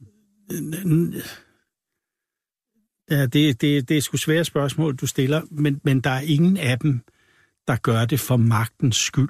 Jamen, jamen ved du hvad, Claus, er, er, er magt et fyord? Ja, Det er det. ja det, vil jeg, Hvorfor? det vil jeg sige. Altså, fordi det er jo sådan ligesom for mit eget egos skyld, at jeg skulle sidde og have en glæde ved at bestemme, og så gør du sådan, og så gør du sådan, og det der må du ikke, og du må gerne. Altså, Ja. det, det, Men det, det, men den i- glæde er der jo ikke. Ego er jo meget, meget motiverende. Altså, de største kunstværker er skabt af folk med et stort ego. De største sportspræstationer er skabt af folk med et stort ego. Jo, og vel også men der de vil største... du vel ikke bruge ordet magt i forbindelse med de store kunstværker eller de store sportspræstationer. Mm. Det, det er noget, du hæfter på politikere, Ja, som så måske. skulle have en særlig glæde ved magtudøvelser. Jeg kan jo godt sådan set forstå det, fordi der, øh, når man kigger rundt i verden og ser øh, diktatorer rundt omkring, så får man jo lidt Ja. indtrykket af, at de glædes ved magten ja. Og kunne bestemme. Og, Men, men jeg synes da også, når jeg tænker sådan på, altså ikke kun de beskidte diktatorer, men også de store politikere, som gennem vores historie har forandret verden til det bedre. Når jeg tænker på dem, så ser jeg da også, synes jeg da også, jeg ser Jo, jo, mennesker, men- der, jo, jo, der det er har jo- nyt magten. Jamen, det er lige der, jeg begynder at, at, at tøve lidt. Ja, det kan jeg godt mærke. Øh, ja. Fordi øh, det er jo rigtigt, at øh, magten indebærer jo, at man kan dreje tingene i sin retning. Det er, når, når, når jeg bare ikke vil sige, jamen jeg, jeg glædes ved magten, så er det fordi, det har for mig den betydning, magt for magtens egen skyld. Og, og det vil jeg ikke øh, ja. vedkende mig. Men, men det, det, det, altså det, det er et fyreår for dig, det er tydeligt. Jeg er ikke sikker på, at det på samme måde vil være et fyreår for hverken Uffe Ellemann eller Anders Fogh Rasmussen. Det, er jo- det er jo mit gæt, det ved jeg jo dybest set ikke noget om. Men det er ikke et fyreår for mig. Altså, hvis du sagde til mig, du virker som om, du nyder din magt, så vil jeg sige, ja, bestemt. Det kan jeg love dig for, at jeg gør. Jeg elsker den magt, jeg har. Det kan jeg bare ikke sætte mig ind i. Og ved du, jeg tror faktisk på dig. Men, men det er lidt som om, det er lidt som om, øh, har du nogensinde set den film, der hedder Fight Club? Nej, Nej, det er det sådan, lyder sådan noget blodigt noget. ja, men det er sådan lidt voldsomt med Brad Pitt og Edward Norton, men der er ligesom fire regler i Fight Club. De to første regler er, du må ikke nævne Fight Club. Det er de to første regler, ikke? Og jeg tænker lidt, om der for dig i det her, i, de- på de, i den her magtposition, du har været i, om der inde i dig er en regel, der hedder, Claus, du må ikke nævne magt. Og en regel mere, der hedder, Claus, du må ikke nævne magt.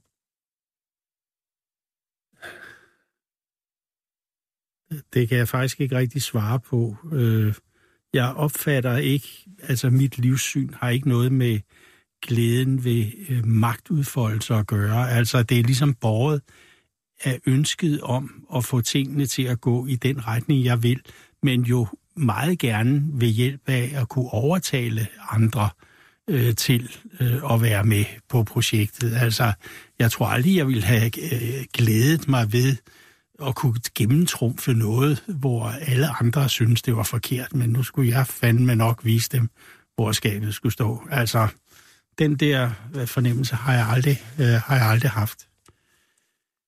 Til nye lytter, hvis du lige er kommet til derude, du lytter til det næste kapitel anden time, hvor jeg, Hassan Prejsler, har besøg af Claus Hjort Frederiksen, og lige nu, der tramper vi rundt i begrebet magt, øh, som du virkelig ikke bryder dig om, kan jeg Nej, nej, nej. Men, men For, fordi øh, der er jo ikke nogen, der har den uindskrænkede, altså bortset fra diktatorer og så videre, så er der jo ingen, der har den uindskrænkede magt. Og når du er politiker i et demokrati, mm. så er det jo fordi, du, du, øh, du hylder demokratiets øh, spilleregler, altså der skal samles et flertal. Øh, du er nødt til at gå på kompromis. Øh, du er nødt til at prøve bare at rykke det en lille smule i din retning. Du kan ikke bare 100 procent øh, køre. Altså, det, det er jo det spil, jeg er vokset op i, og som jeg, jeg glædes ved. Altså, at man så kan samle øh, i nogle flertal. Og det betyder, at jeg kan ikke få det, som jeg gerne vil have det. Øh, jeg kan få et stykke af vejen, men andre, der bidrager, skal jo også have noget. vil der være øh, inden for Venstre folk, idealisterne, de yngre venstre løver for eksempel, som synes, at, eller som vil sige, at du har udøvet magt over for dem? Ja, det kan du muligvis nok. Øh, det kan du muligvis nok øh, finde. Øh, men altså, det er jo i en helt anden skala, øh, vi taler om nu. Magt kan jo være øh, rigtig mange ting, men det, det vil du da nok kunne. Og, og, og, og du har jo ret, altså i den forstand, at for mig er det vigtigste jo sådan set, at Venstre er i regering. Altså, øh, at vi har ministerposterne, fordi du kan en del, når du er øh, minister, så kan man præge tingene på en anden måde. Man har magt. Ja, altså... øh, Men ikke magt, vel? Altså, du kan selvfølgelig øh, præge tingene, altså, du kan udnævne øh, mennesker til stillinger, øh, du kan vælge ting og sager, som øh, nogen, som du synes vil kunne løse den der øh, opgave. Men altså, Ja, det vil det, jeg. det, vil det jeg kalder jo- du magt. Ja, det vil jeg gøre. og, og jeg vil også, jeg vil også sige, at uh, Finansministeriet er det mest magtfulde ministerium Jo, jo. i Danmark, Jo, og jo. finansministeren dermed Ja. er den mest magtfulde minister under statsministeren. Jo, jo. Og da du bliver finansminister, der er det faktisk ikke kun for finansministeriet, det er for et udvidet finansministerium, som bliver kaldt et superministerium. Ja. Det er du minister ja. for. Ja. Det er en magtfuld position. Øh, ja, det er det jo. Altså i politisk forstand er det jo, fordi du kan præge, øh, du kan præge udviklingen, og du kan selvfølgelig også til en vis grad øh, undertrykke øh, andres ønsker. Altså, øh, fordi du har det der øh, overordnede begreb, og mange af dem, som har været sure øh, i tidens løb, det er jo fordi, man som finansminister har hældt nogle af deres øh, brillante idéer øh, ned ad brættet, øh, fordi der ikke var penge til det, eller fordi der ikke, det ikke var regeringens politik, øh, og, og, og det på den måde øh, er der selvfølgelig, øh, øh, hvad skal man sige, en, en, en, en stor øh, indflydelse. Men altså, tilbage bliver jo bare, at der skal 90 mandater til at have mm. magten Mm. øh, i Danmark. Men, men når du så har fået de 90 mandater og den magt, øh, Claus, hvordan, øh, hvis du med dine egne ord skal beskrive, hvordan du udøver magt, hvordan vil du så gøre det? Jamen, det vil jeg gøre ved at, at, at, at se på, hvad er det for en mission, vi har? Hvad er det for et regeringsgrundlag, vi har? Hvad er det for nogle partier, der er i regering? Eller hvad er det for nogle partier, du er nødt til at søge øh, aftale med, og hvad vil de gerne øh, have? Det, det er at kunne sætte sig ind i øh, en situation og et øh, landskab, hvor du øh, skal navigere øh, rundt for at komme så tæt på dine egne ønsker øh, som muligt. Så du, du skal have en vis øh, analyseevne. Øh, øh, du skal være meget øh, åben over for, hvad er dine egne styrker, øh, og hvad er dine egne svagheder. Altså, hvad er svagheden i det, du kaster dig ud i her, eller hvad er styrken i det, du kaster dig ud i her. Og, og, og, og, og det skal du så prøve at få øh, på en eller anden måde fusioneret sammen øh, til noget, der virker. Øh, så altså, øh, der- er jo mange, der er jo forskellige måder at, at, at udøve, hvad skal man sige, sin øh, politik på. Øh, Eller der er jo mange af de... de magt. jo, jo, jo. Øh, men der, der, er jo, der er jo mange, som så prøver at lave deres eget forslag. Og det skal så med djævelens vold og magt øh, gennemføres. Jeg har altid prøvet at ligesom se på, hvem er det, jeg gerne vil have det igennem med. Og så har jeg brugt meget tid på at tale med de pågældende, altså helt uformelt. Øh, hvad synes du? Øh, Hvad skal vi gøre? Har du nogle forslag? Og så, videre. og så på den måde mm. er der vokset Så, så det vil Noget. sige, du, ud, Claus Hjort Frederiksen, du udøver ikke magt ved djævelens vold og magt. Nej, Du gør det på en anden måde. Ja. Og den anden måde har du beskrevet nu.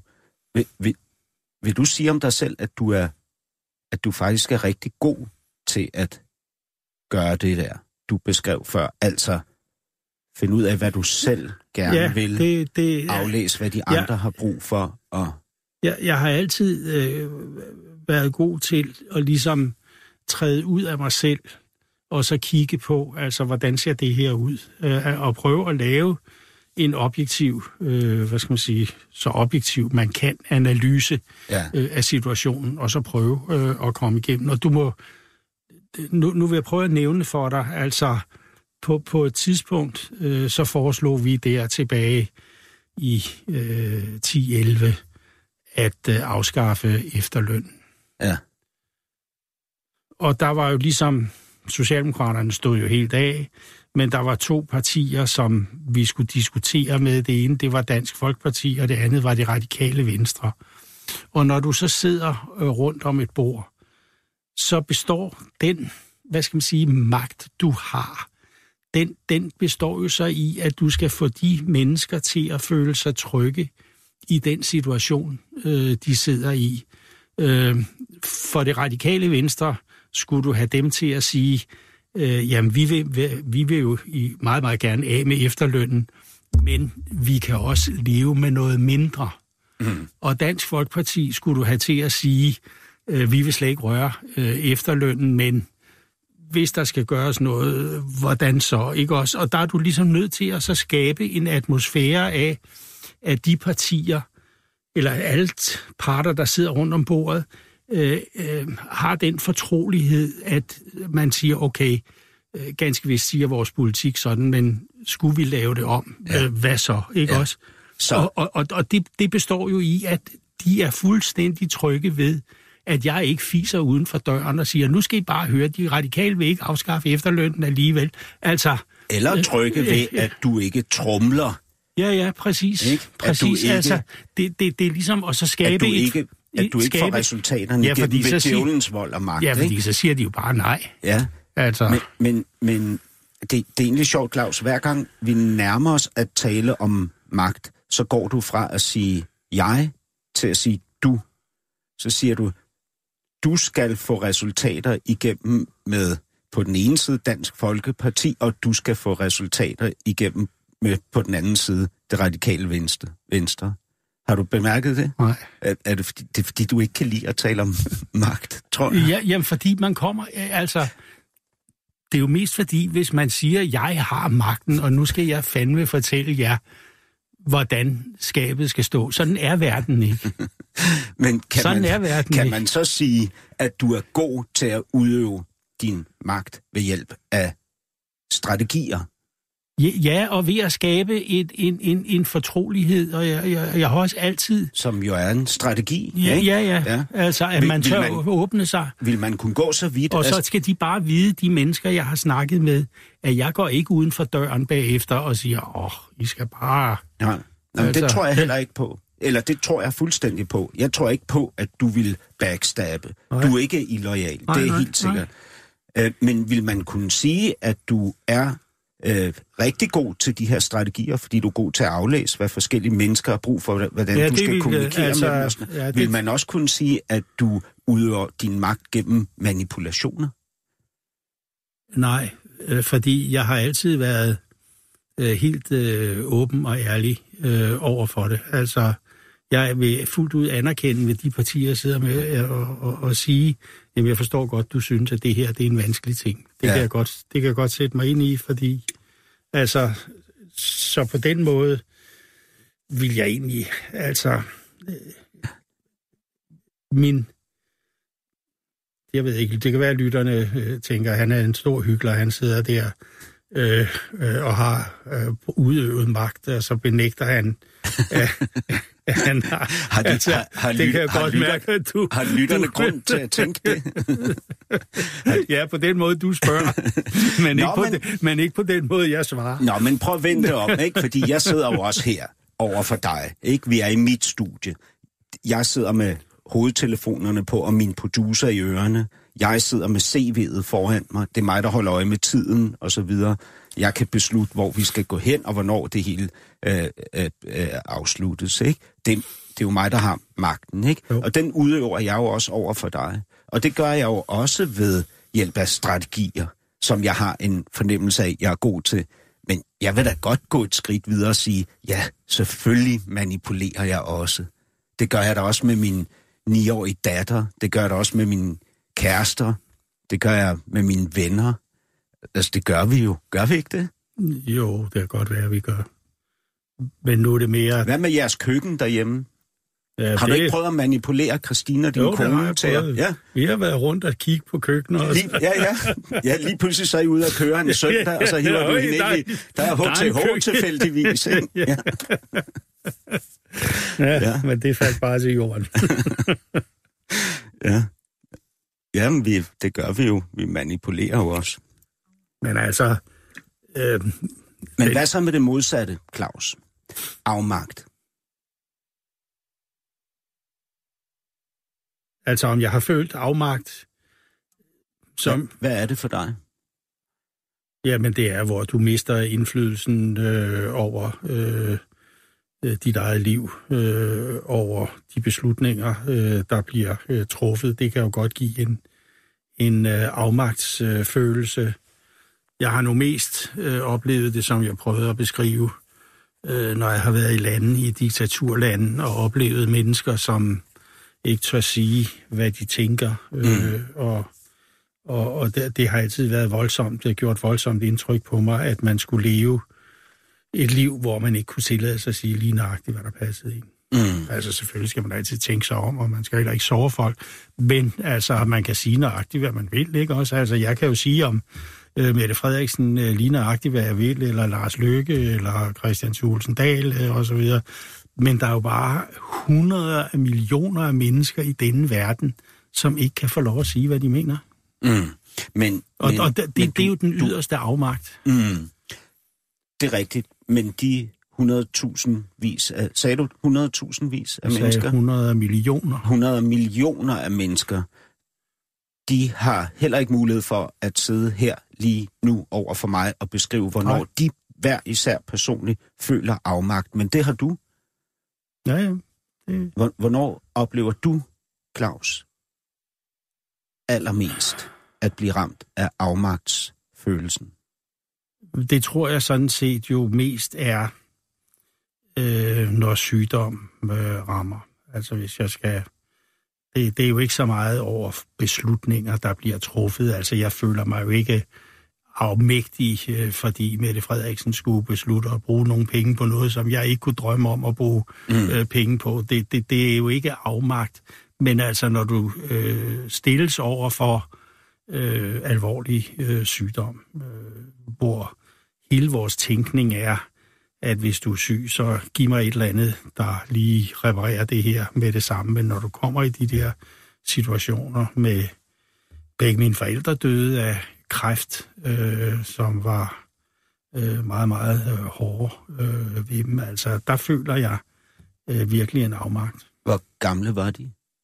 Jamen, de var, øh, jeg tror, min far var 78, øh, og min mor blev lige 80. Mm. Og hvor gammel var du? Jamen, det er jo så, altså, for min mor... Min far døde faktisk en måned efter, at jeg blev minister første gang, Mm. øh, i januar 2001. Og min mor døde så i øh, 2009. Mm. Og det var følelsen af Ja, afmægtighed. det er afmagt, fordi altså, Jeg har, jeg har igen... det da sådan, når jeg, når jeg bliver syg, så altså, altså, hey, hey, der er der nogen, der lige må komme og, og reparere det her. Man har ligesom en, en, en tro på, at alt kan fikses, ikke også? Mm. Øh, og man skal lige have nogle piller og, og, og sådan noget der. Men der er altså situationer i livet, hvor sådan noget ikke kan redde noget som helst. Og hvad med din... Du har jo altså... Øh, jeg, altså, jeg ved jo ikke så meget om dit og Christinas, din kones forhold. Jeg ved, I... Der har jeg nu fået regnet mig frem til, at I har været sammen i 48 år, Nå, og ikke okay. en, Nej, du sagde gift. 50. Ja, jeg sagde Du sagde- 51. Nå, ikke? 51. Ja, men I har været gift i 48 år, Ja, i hvert okay. fald siden Ja, ja, 71. Ikke? Øhm, men, men hun er jo... Hun må jo være en livsledsagerske for dig. Altså, I har jo Jamen, tilbragt Øh, Altid sammen. altid sammen ja. gennem alle årene. Ja. Øh, hun er i øvrigt, øh, vil jeg sige, en meget smuk kvinde. Og meget elegant. Ja. Hun, øh, hun trådte ind øh, i øh, det værelse, vi sad i meget kort, øh, i, øh, i nogle lange ridestøvler. Ja. Øh, og, og så bare, mm. altså, Mhm. lækker ud. Ja, det er hun også. Ja. Men altså, ja, det ved jeg ikke. Det er jo meget... Frygter du miste hende? Ja, det tror jeg da, jeg gør. Øh, ligesom jeg tror, at hun frygter øh, at miste mig. Altså, det... det og, og, og altså, øh, jo ældre man bliver, jo mere tænker man over. Tænker man over sådan nogle ting. Ja. Tænker Ja. du over det, når du ser hende gå rundt ude i haven, eller at du går rundt i haven og ser Nej, hende det stå er jo ikke sådan, jeg, jeg, altså, det er jo ikke sådan konstant, men det er da, øh, det er da jævnligt, øh, at man tænker over sådan, nu kan du tælle, hvor mange sommer kommer du til at opleve øh, endnu. Altså, jeg, ved- jeg ved godt, sådan en ung, flot fyr som dig der, det ligger måske langt væk, øh, sådan nogle tanker, men altså, når man, når man øh, nærmer sig, øh, Ja. så betyder det da Ja, men jeg synes, det begynder at bide mig en smule i haserne. Jeg er lige fyldt 50, så Ah, ja. du har mange år endnu. ja. Ja, Tænk, du skal henslæbe 30-32 år endnu, henslæbet. statistisk set. Ja, 32 år, det er rigtigt. Ja. Ja. Ej, men, men det her med afmagtsfølelsen, den, øh, nu, nu taler vi om det på de områder, som jo tydeligvis er de væsentligste, altså som handler om at, at, at Ja. miste Ja, altså, dem, der er tættest på. jeg, Ikke? jeg føler mig ikke afmægtig i det daglige. Det, det må jeg sige, altså. Men når, når nu du har kæmpet for det her projekt, som du har Ja, ja. kæmpet for i flere årtier, altså i faktisk i næsten 20 år er det jo. Mm. Siden 98, er det ikke 20 år? Jeg er så ubeskriveligt dårlig Jo, til at jo, regne. men jeg 98, 08. blev partisekretær Ja, i 21 år. 84. Ja. 84. Men, men fra 98, der smider du jo alt ind på at få gjort Venstre til et magtparti, ja. ikke? Ja. Men, men ny struktur, en Ja. meget stærk ledelse, Ja. ja. Ikke? En, en top, et topstyret parti, ikke? Og, og Det vil jeg protestere lidt imod. det ved du, Ja, det vil jeg. Ja. Altså, men i hvert fald et, et magtparti, ikke? ja, det er klart. som- Altså, det har en, for mig har det ingen mening øh, at, at kæmpe i politik, hvis ikke det er fordi, man gerne vil ind i regering. Altså i regering. Mm. Det har det ikke. Og det bliver man så ved at lave et parti, Ja, ja, der kan trække stemmer klart. over midten. Klar, ja, lige præcis. Når, når så det her projekt bliver udfordret, og du har jo også set det udfordret så voldsomt, at det faktisk var ved at glide ud mellem fingrene på dig. Og jeg er med på, at det ikke er et personligt projekt, som handler om din karriere, dine positioner for dig, men et projekt, du alligevel tror rigtig meget på. du vælger i hvert fald at investere Ja, hele ja. dit liv Ja, i ja. det, ikke? Ja, ja. kan man sige. Ja. Og i første time gik du også med på at sige, at du ligesom har lagt alle dine æg i en kurv. Ikke? Ja. Det er her, du satser. Ja. Det er Al, altså hele din, din... Det har jeg gjort. Når, når det så bliver truet, eller udfordret, eller står og vakler, fordi at der kommer nogen og kritiserer det, kan du så mærke afmagten Nej, der? nej, det kan jeg ikke. Du, du vidste, hvad jeg ville spørge om. Jeg kunne simpelthen se, at du var klar til at sige nej, før jeg var nået Nej, frem nej, til det. nej, altså, øh, jeg, jeg føler ikke afmagt, Nej, øh, fordi det er jo at bringe sig selv i en, hvad skal man sige, en passiv rolle. Altså, ja, hvis du føler afmagt, så er der jo ikke noget at gøre. ja. Så er det jo bare at takke af. Altså, den følelse har jeg ikke. Men, men så lad mig erstatte ordet. Øh, Jeg skal bare lige byde velkommen til nye lyttere, hvis du er kommet til derude. Du lytter til det næste kapitel, hvor vi er ved at nærme os afslutningen på anden time. Da, da, da, da. Claus Hjort Frederiksen, og jeg hedder Hassan Prejsler. Øh, Hvis nu vi erstatter ordet afmagt med ordet uretfærdighed. Jamen, jeg synes ikke, det gør nogen forskel. Altså, fordi, hvad, er retfærdighed? Altså, folk har jo lov at kæmpe for, hvad de vil. Ja, Øh, og, og ja, det står heller ikke skrevet nogen steder, at jeg altid skal have ret, øh, eller øh, tingene skal gå øh, min vej. Så på den måde vil jeg jo heller ikke sige, at det var uret, altså at jeg opfatter det, hvis nogen vil noget andet, og at det, jeg har kæmpet for, ikke bliver gennemført, så vil jeg ikke sige, at det er en uretfærdighed.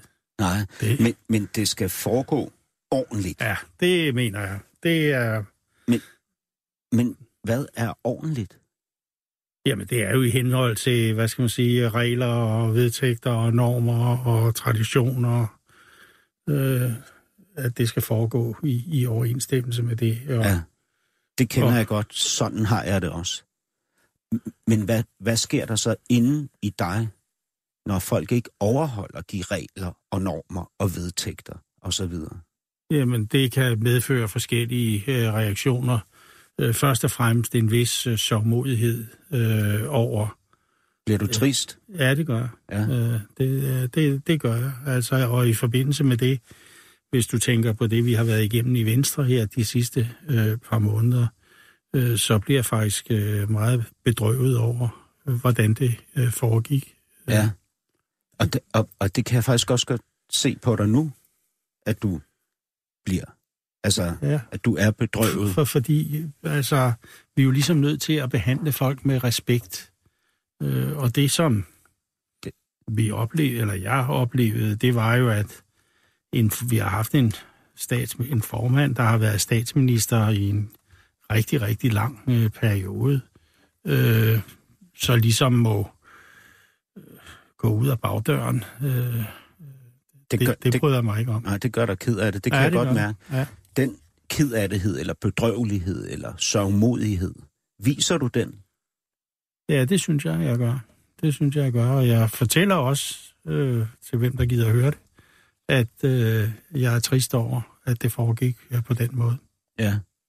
Altså, fordi når jeg, og det er måske der mit, mit indtryk af dig som pitbull, ej, det er jo ikke kun derfra, det er jo fordi, du er blevet kaldt det i mange sammenhæng, men når jeg ser på dig i den her situation, som du beskriver som sørgmodig og trist, og som jeg kan mærke på dig er sørgmodig og trist, så oplever jeg dig faktisk øh, i medierne og så videre øh, vred frem for ked af det. Ja. Det må jo så være min ansigtsudtryk, der ligesom fremkalder, ja. at jeg skulle være øh, vred. Eller også er det din fordomme, Ja, det kan det sagtens være. fordomme om mig, Men- der gør, at øh, Men er det ikke når også jeg noget- ikke sidder og smiler, altså, så, så er jeg vred. Ja. Men Sådan er, er, det, det jo ikke. men er det ikke også noget med, at det bare generelt er svært for os at vise vores øh, øh, tristhed, fordi det er, Jo, det, det er sårbart? jeg. Det, ja, ja, det vil være udtryk for svaghed og alt sådan noget der. ja. Men altså ikke desto mindre, øh, så kan man jo godt blive trist og ked af det. Ja. Øhm, men men øhm, for, forstår du så, hvad jeg vil frem til, når jeg taler om når jeg erstatter ordet magtesløshed med ordet øh, uretfærdighed. Ja, det kan jeg sådan set godt. Øh, Ja. Det kan jeg godt forstå. Fordi det er noget, Det kan jeg godt forstå. Ja, men det er meget, dig hårdt det, det er jeg meget finfølende øh, overfor. Altså, for uretfærdighed. uretfærdighed. Ja. Ja. Hvad er, hvad er det mest uretfærdige, man kan gøre mod dig, Claus? Det ved jeg ikke. Altså, nu er jeg jo blevet hårdhudet øh, igennem rigtig, rigtig mange år i, i politik og i Jo, men ikke mere medierne. hårdhudet, end at du bliver ked af det, så umodig og trist. Ja, øh, Ja. jo jo, i nogle bestemte situationer gør jeg, fordi når jeg, når jeg synes, at, at man ligesom overtræder nogle menneskelige, nogle menneskelige, øh, hvad skal man sige, tærskler, øh, så kan jeg blive øh, ked af det. Men, men øh, altså, øh, det er ikke sådan, at jeg i politisk forstand går rundt og føler mig, øh, føler uretfærdigheder. At det vil være forkert at, at beskrive det på den måde. Mm. Men jeg har lidt svært ved at være meget præcis øh, omkring øh, de her ting. Det er jo ikke sådan, jeg har overvejet, hvornår. Nå, men det kan jeg godt forstå, også fordi der må jo være, altså I må jo opleve rigtig meget, som er uretfærdigt. Jamen, altså det er da rigtigt. politik. Jamen, det er da rigtigt. Altså, øh, jeg kan da også blive ked af det på, på øh, hvad skal man sige, øh, politiske kollegers vegne, hvis de får en rigtig dårlig øh, behandling i pressen, altså som nogen har fået, ikke? Og, og må gå ud af politik, øh, og selvom de har leveret et, et hederligt stykke arbejde igennem flere år, øh, så lige pludselig dukker der et eller andet op, og, og så falder den offentlige øh, mening falder hårdt som en hammer. Ikke? Mm. Det har jeg også observeret. Ja. Ved du, jeg, jeg har faktisk, selvom jeg ikke kender dem og ikke har deres nummer, så kan jeg få lyst til at tage telefonen og ringe til dem. Ja, det er rigtigt. Gør, gør du det? Øh, nej, jeg, jeg ikke, det gør jeg for lidt, men jeg har da gjort det over for, for øh, politiske øh, kolleger. Øh, Også politiske fjender. ja, ja, altså hvis du læser, hvad Øslem Sikic øh, skriver om, var, så var hun meget glad, da hun måtte gå ud af politik for den snak, vi havde bagefter. Mm. Og de gange, du så ikke har gjort det over for andre kolleger, senest kunne det jo have været Henrik Sass Larsen, for eksempel. Ja, for ikke? eksempel. Eller andre. Ja. Øh, når du så ikke har gjort det, hvorfor? Hvad, hvad holder dig tilbage? Jamen det, altså, ting kan jo blive så øh, højpolitiske, havde jeg nær sagt. Altså, øh, jeg ville jo nok heller ikke ringe til Mette Frederiksen øh, og sige... Hvis jeg, hun var jeg, udsat for det? Jo, altså i, i nogle situationer, men ikke sådan... Er, er I i øvrigt i familie? Nej, Nej, det er vi ikke. okay. nå, nå, men, men, nej, men, men, Hun er altså, fra Nordjylland, og jeg er fra Humlebæk. men I har jo også haft... Øh, øh, du har jo også... Der, man kan også have politiske fjender inden for sin egne parti. Jo, jo, jo, jo. Inden for jo, sit eget jo, parti, jo. ikke? Øh, og du, jeg, Jo. jeg, altså for, Men- for noget tid siden havde jeg Karl Holst, øh, venstre Nå ja, politiker, ja. øh, som jo i den grad blev trukket igennem. Ja, det var, ja, men det, det var også en, hvor man kan tale om uretfærdighed. Det er Ja, rigtigt. var det- var det din og Karl oplevelse? har jeg talt meget med, ja. Har du det? Ja, det har jeg. Du ringede simpelthen, du kon- Ja, vi kontaktede har, ham? Ja, men det har vi gjort i gennem mange, mange år, men også i de situationer der, ja. Og det kan jeg fortælle dig, at det er jeg 100% sikker på, at han har været meget, meget glad for, at Ja, men vi taler sammen stadigvæk. Altså, Ja. Hvad med, nu har Søren Pind var min seneste gæst. ja, Han har jo også trukket sig ud af politik. ja. Øh, og mit indtryk af er, at det er af følelsesmæssige årsager. Altså, det er simpelthen, øh, hvad hedder det, konsekvensen af nogle indre oplevelser, der gør, at han har trukket sig. Vil du ringe til ham, også selvom I, det, det ved alle jo, fordi det har stået i medierne, det står i, i, i Søren det. bog også, ja. ja. I har jo krydset klinger, og Jo, jo. Men vi har haft et uh, udmærket forhold igennem uh, mange, mange år. Og, vil du ringe til Altså- ham nu og, og spørge, hvordan går det derude på den anden side? uh, nej, det vil jeg nok ikke. Det vil du ikke. Nej. Hvorfor ikke? Jamen, det ved jeg egentlig ikke.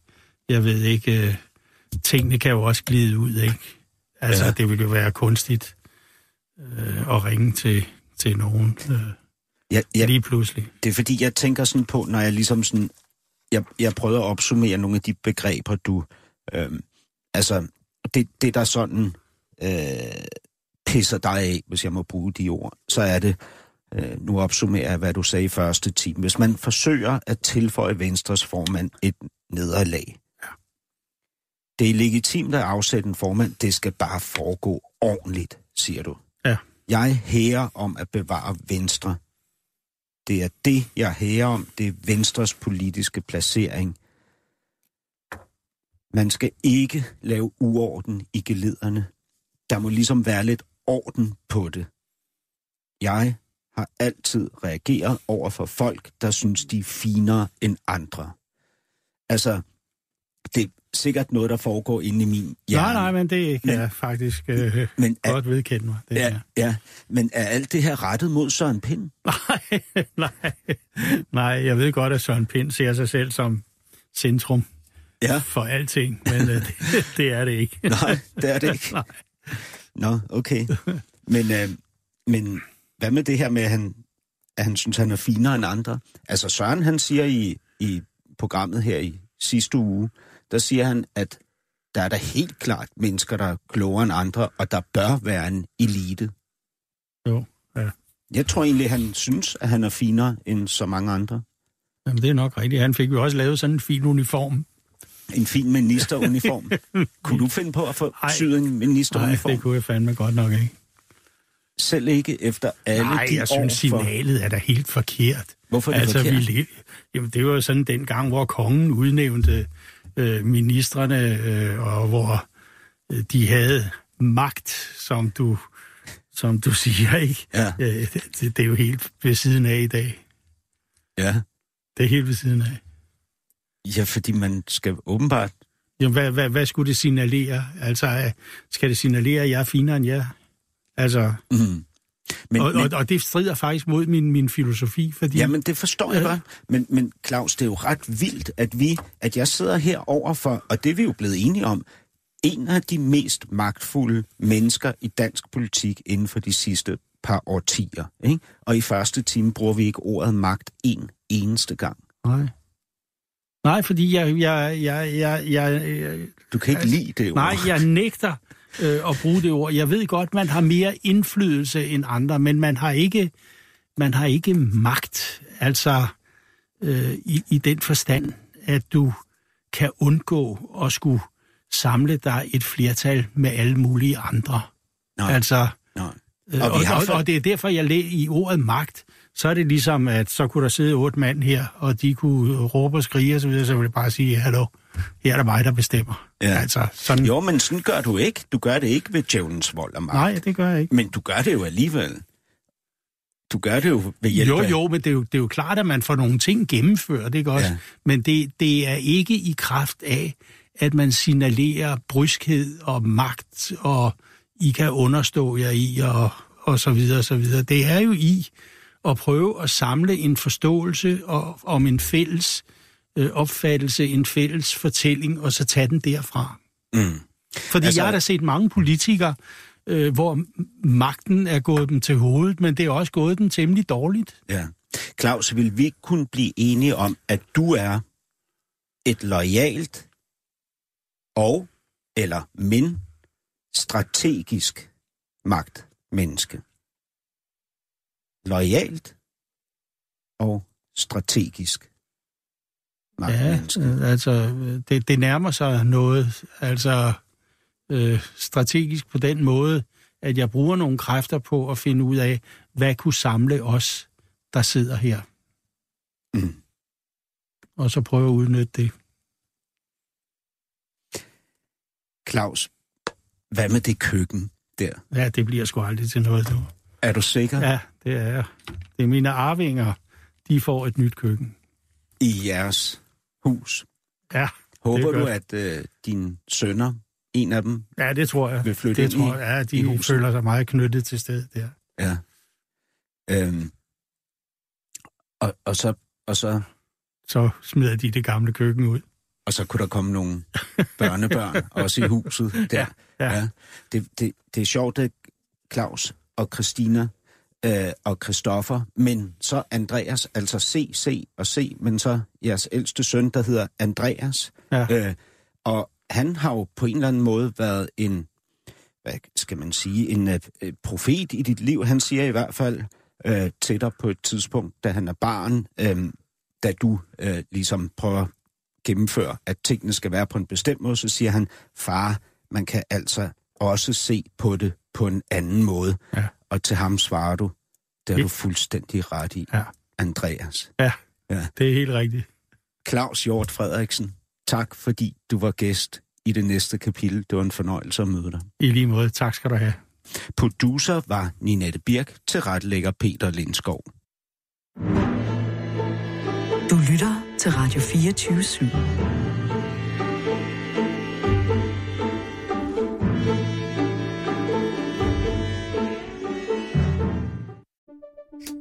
Banke, banke på. Hvem der? Det, det er spicy. Spicy hvem? Spicy Chicken McNuggets, der er tilbage på menuen hos McDonald's. Badum, bom, tji.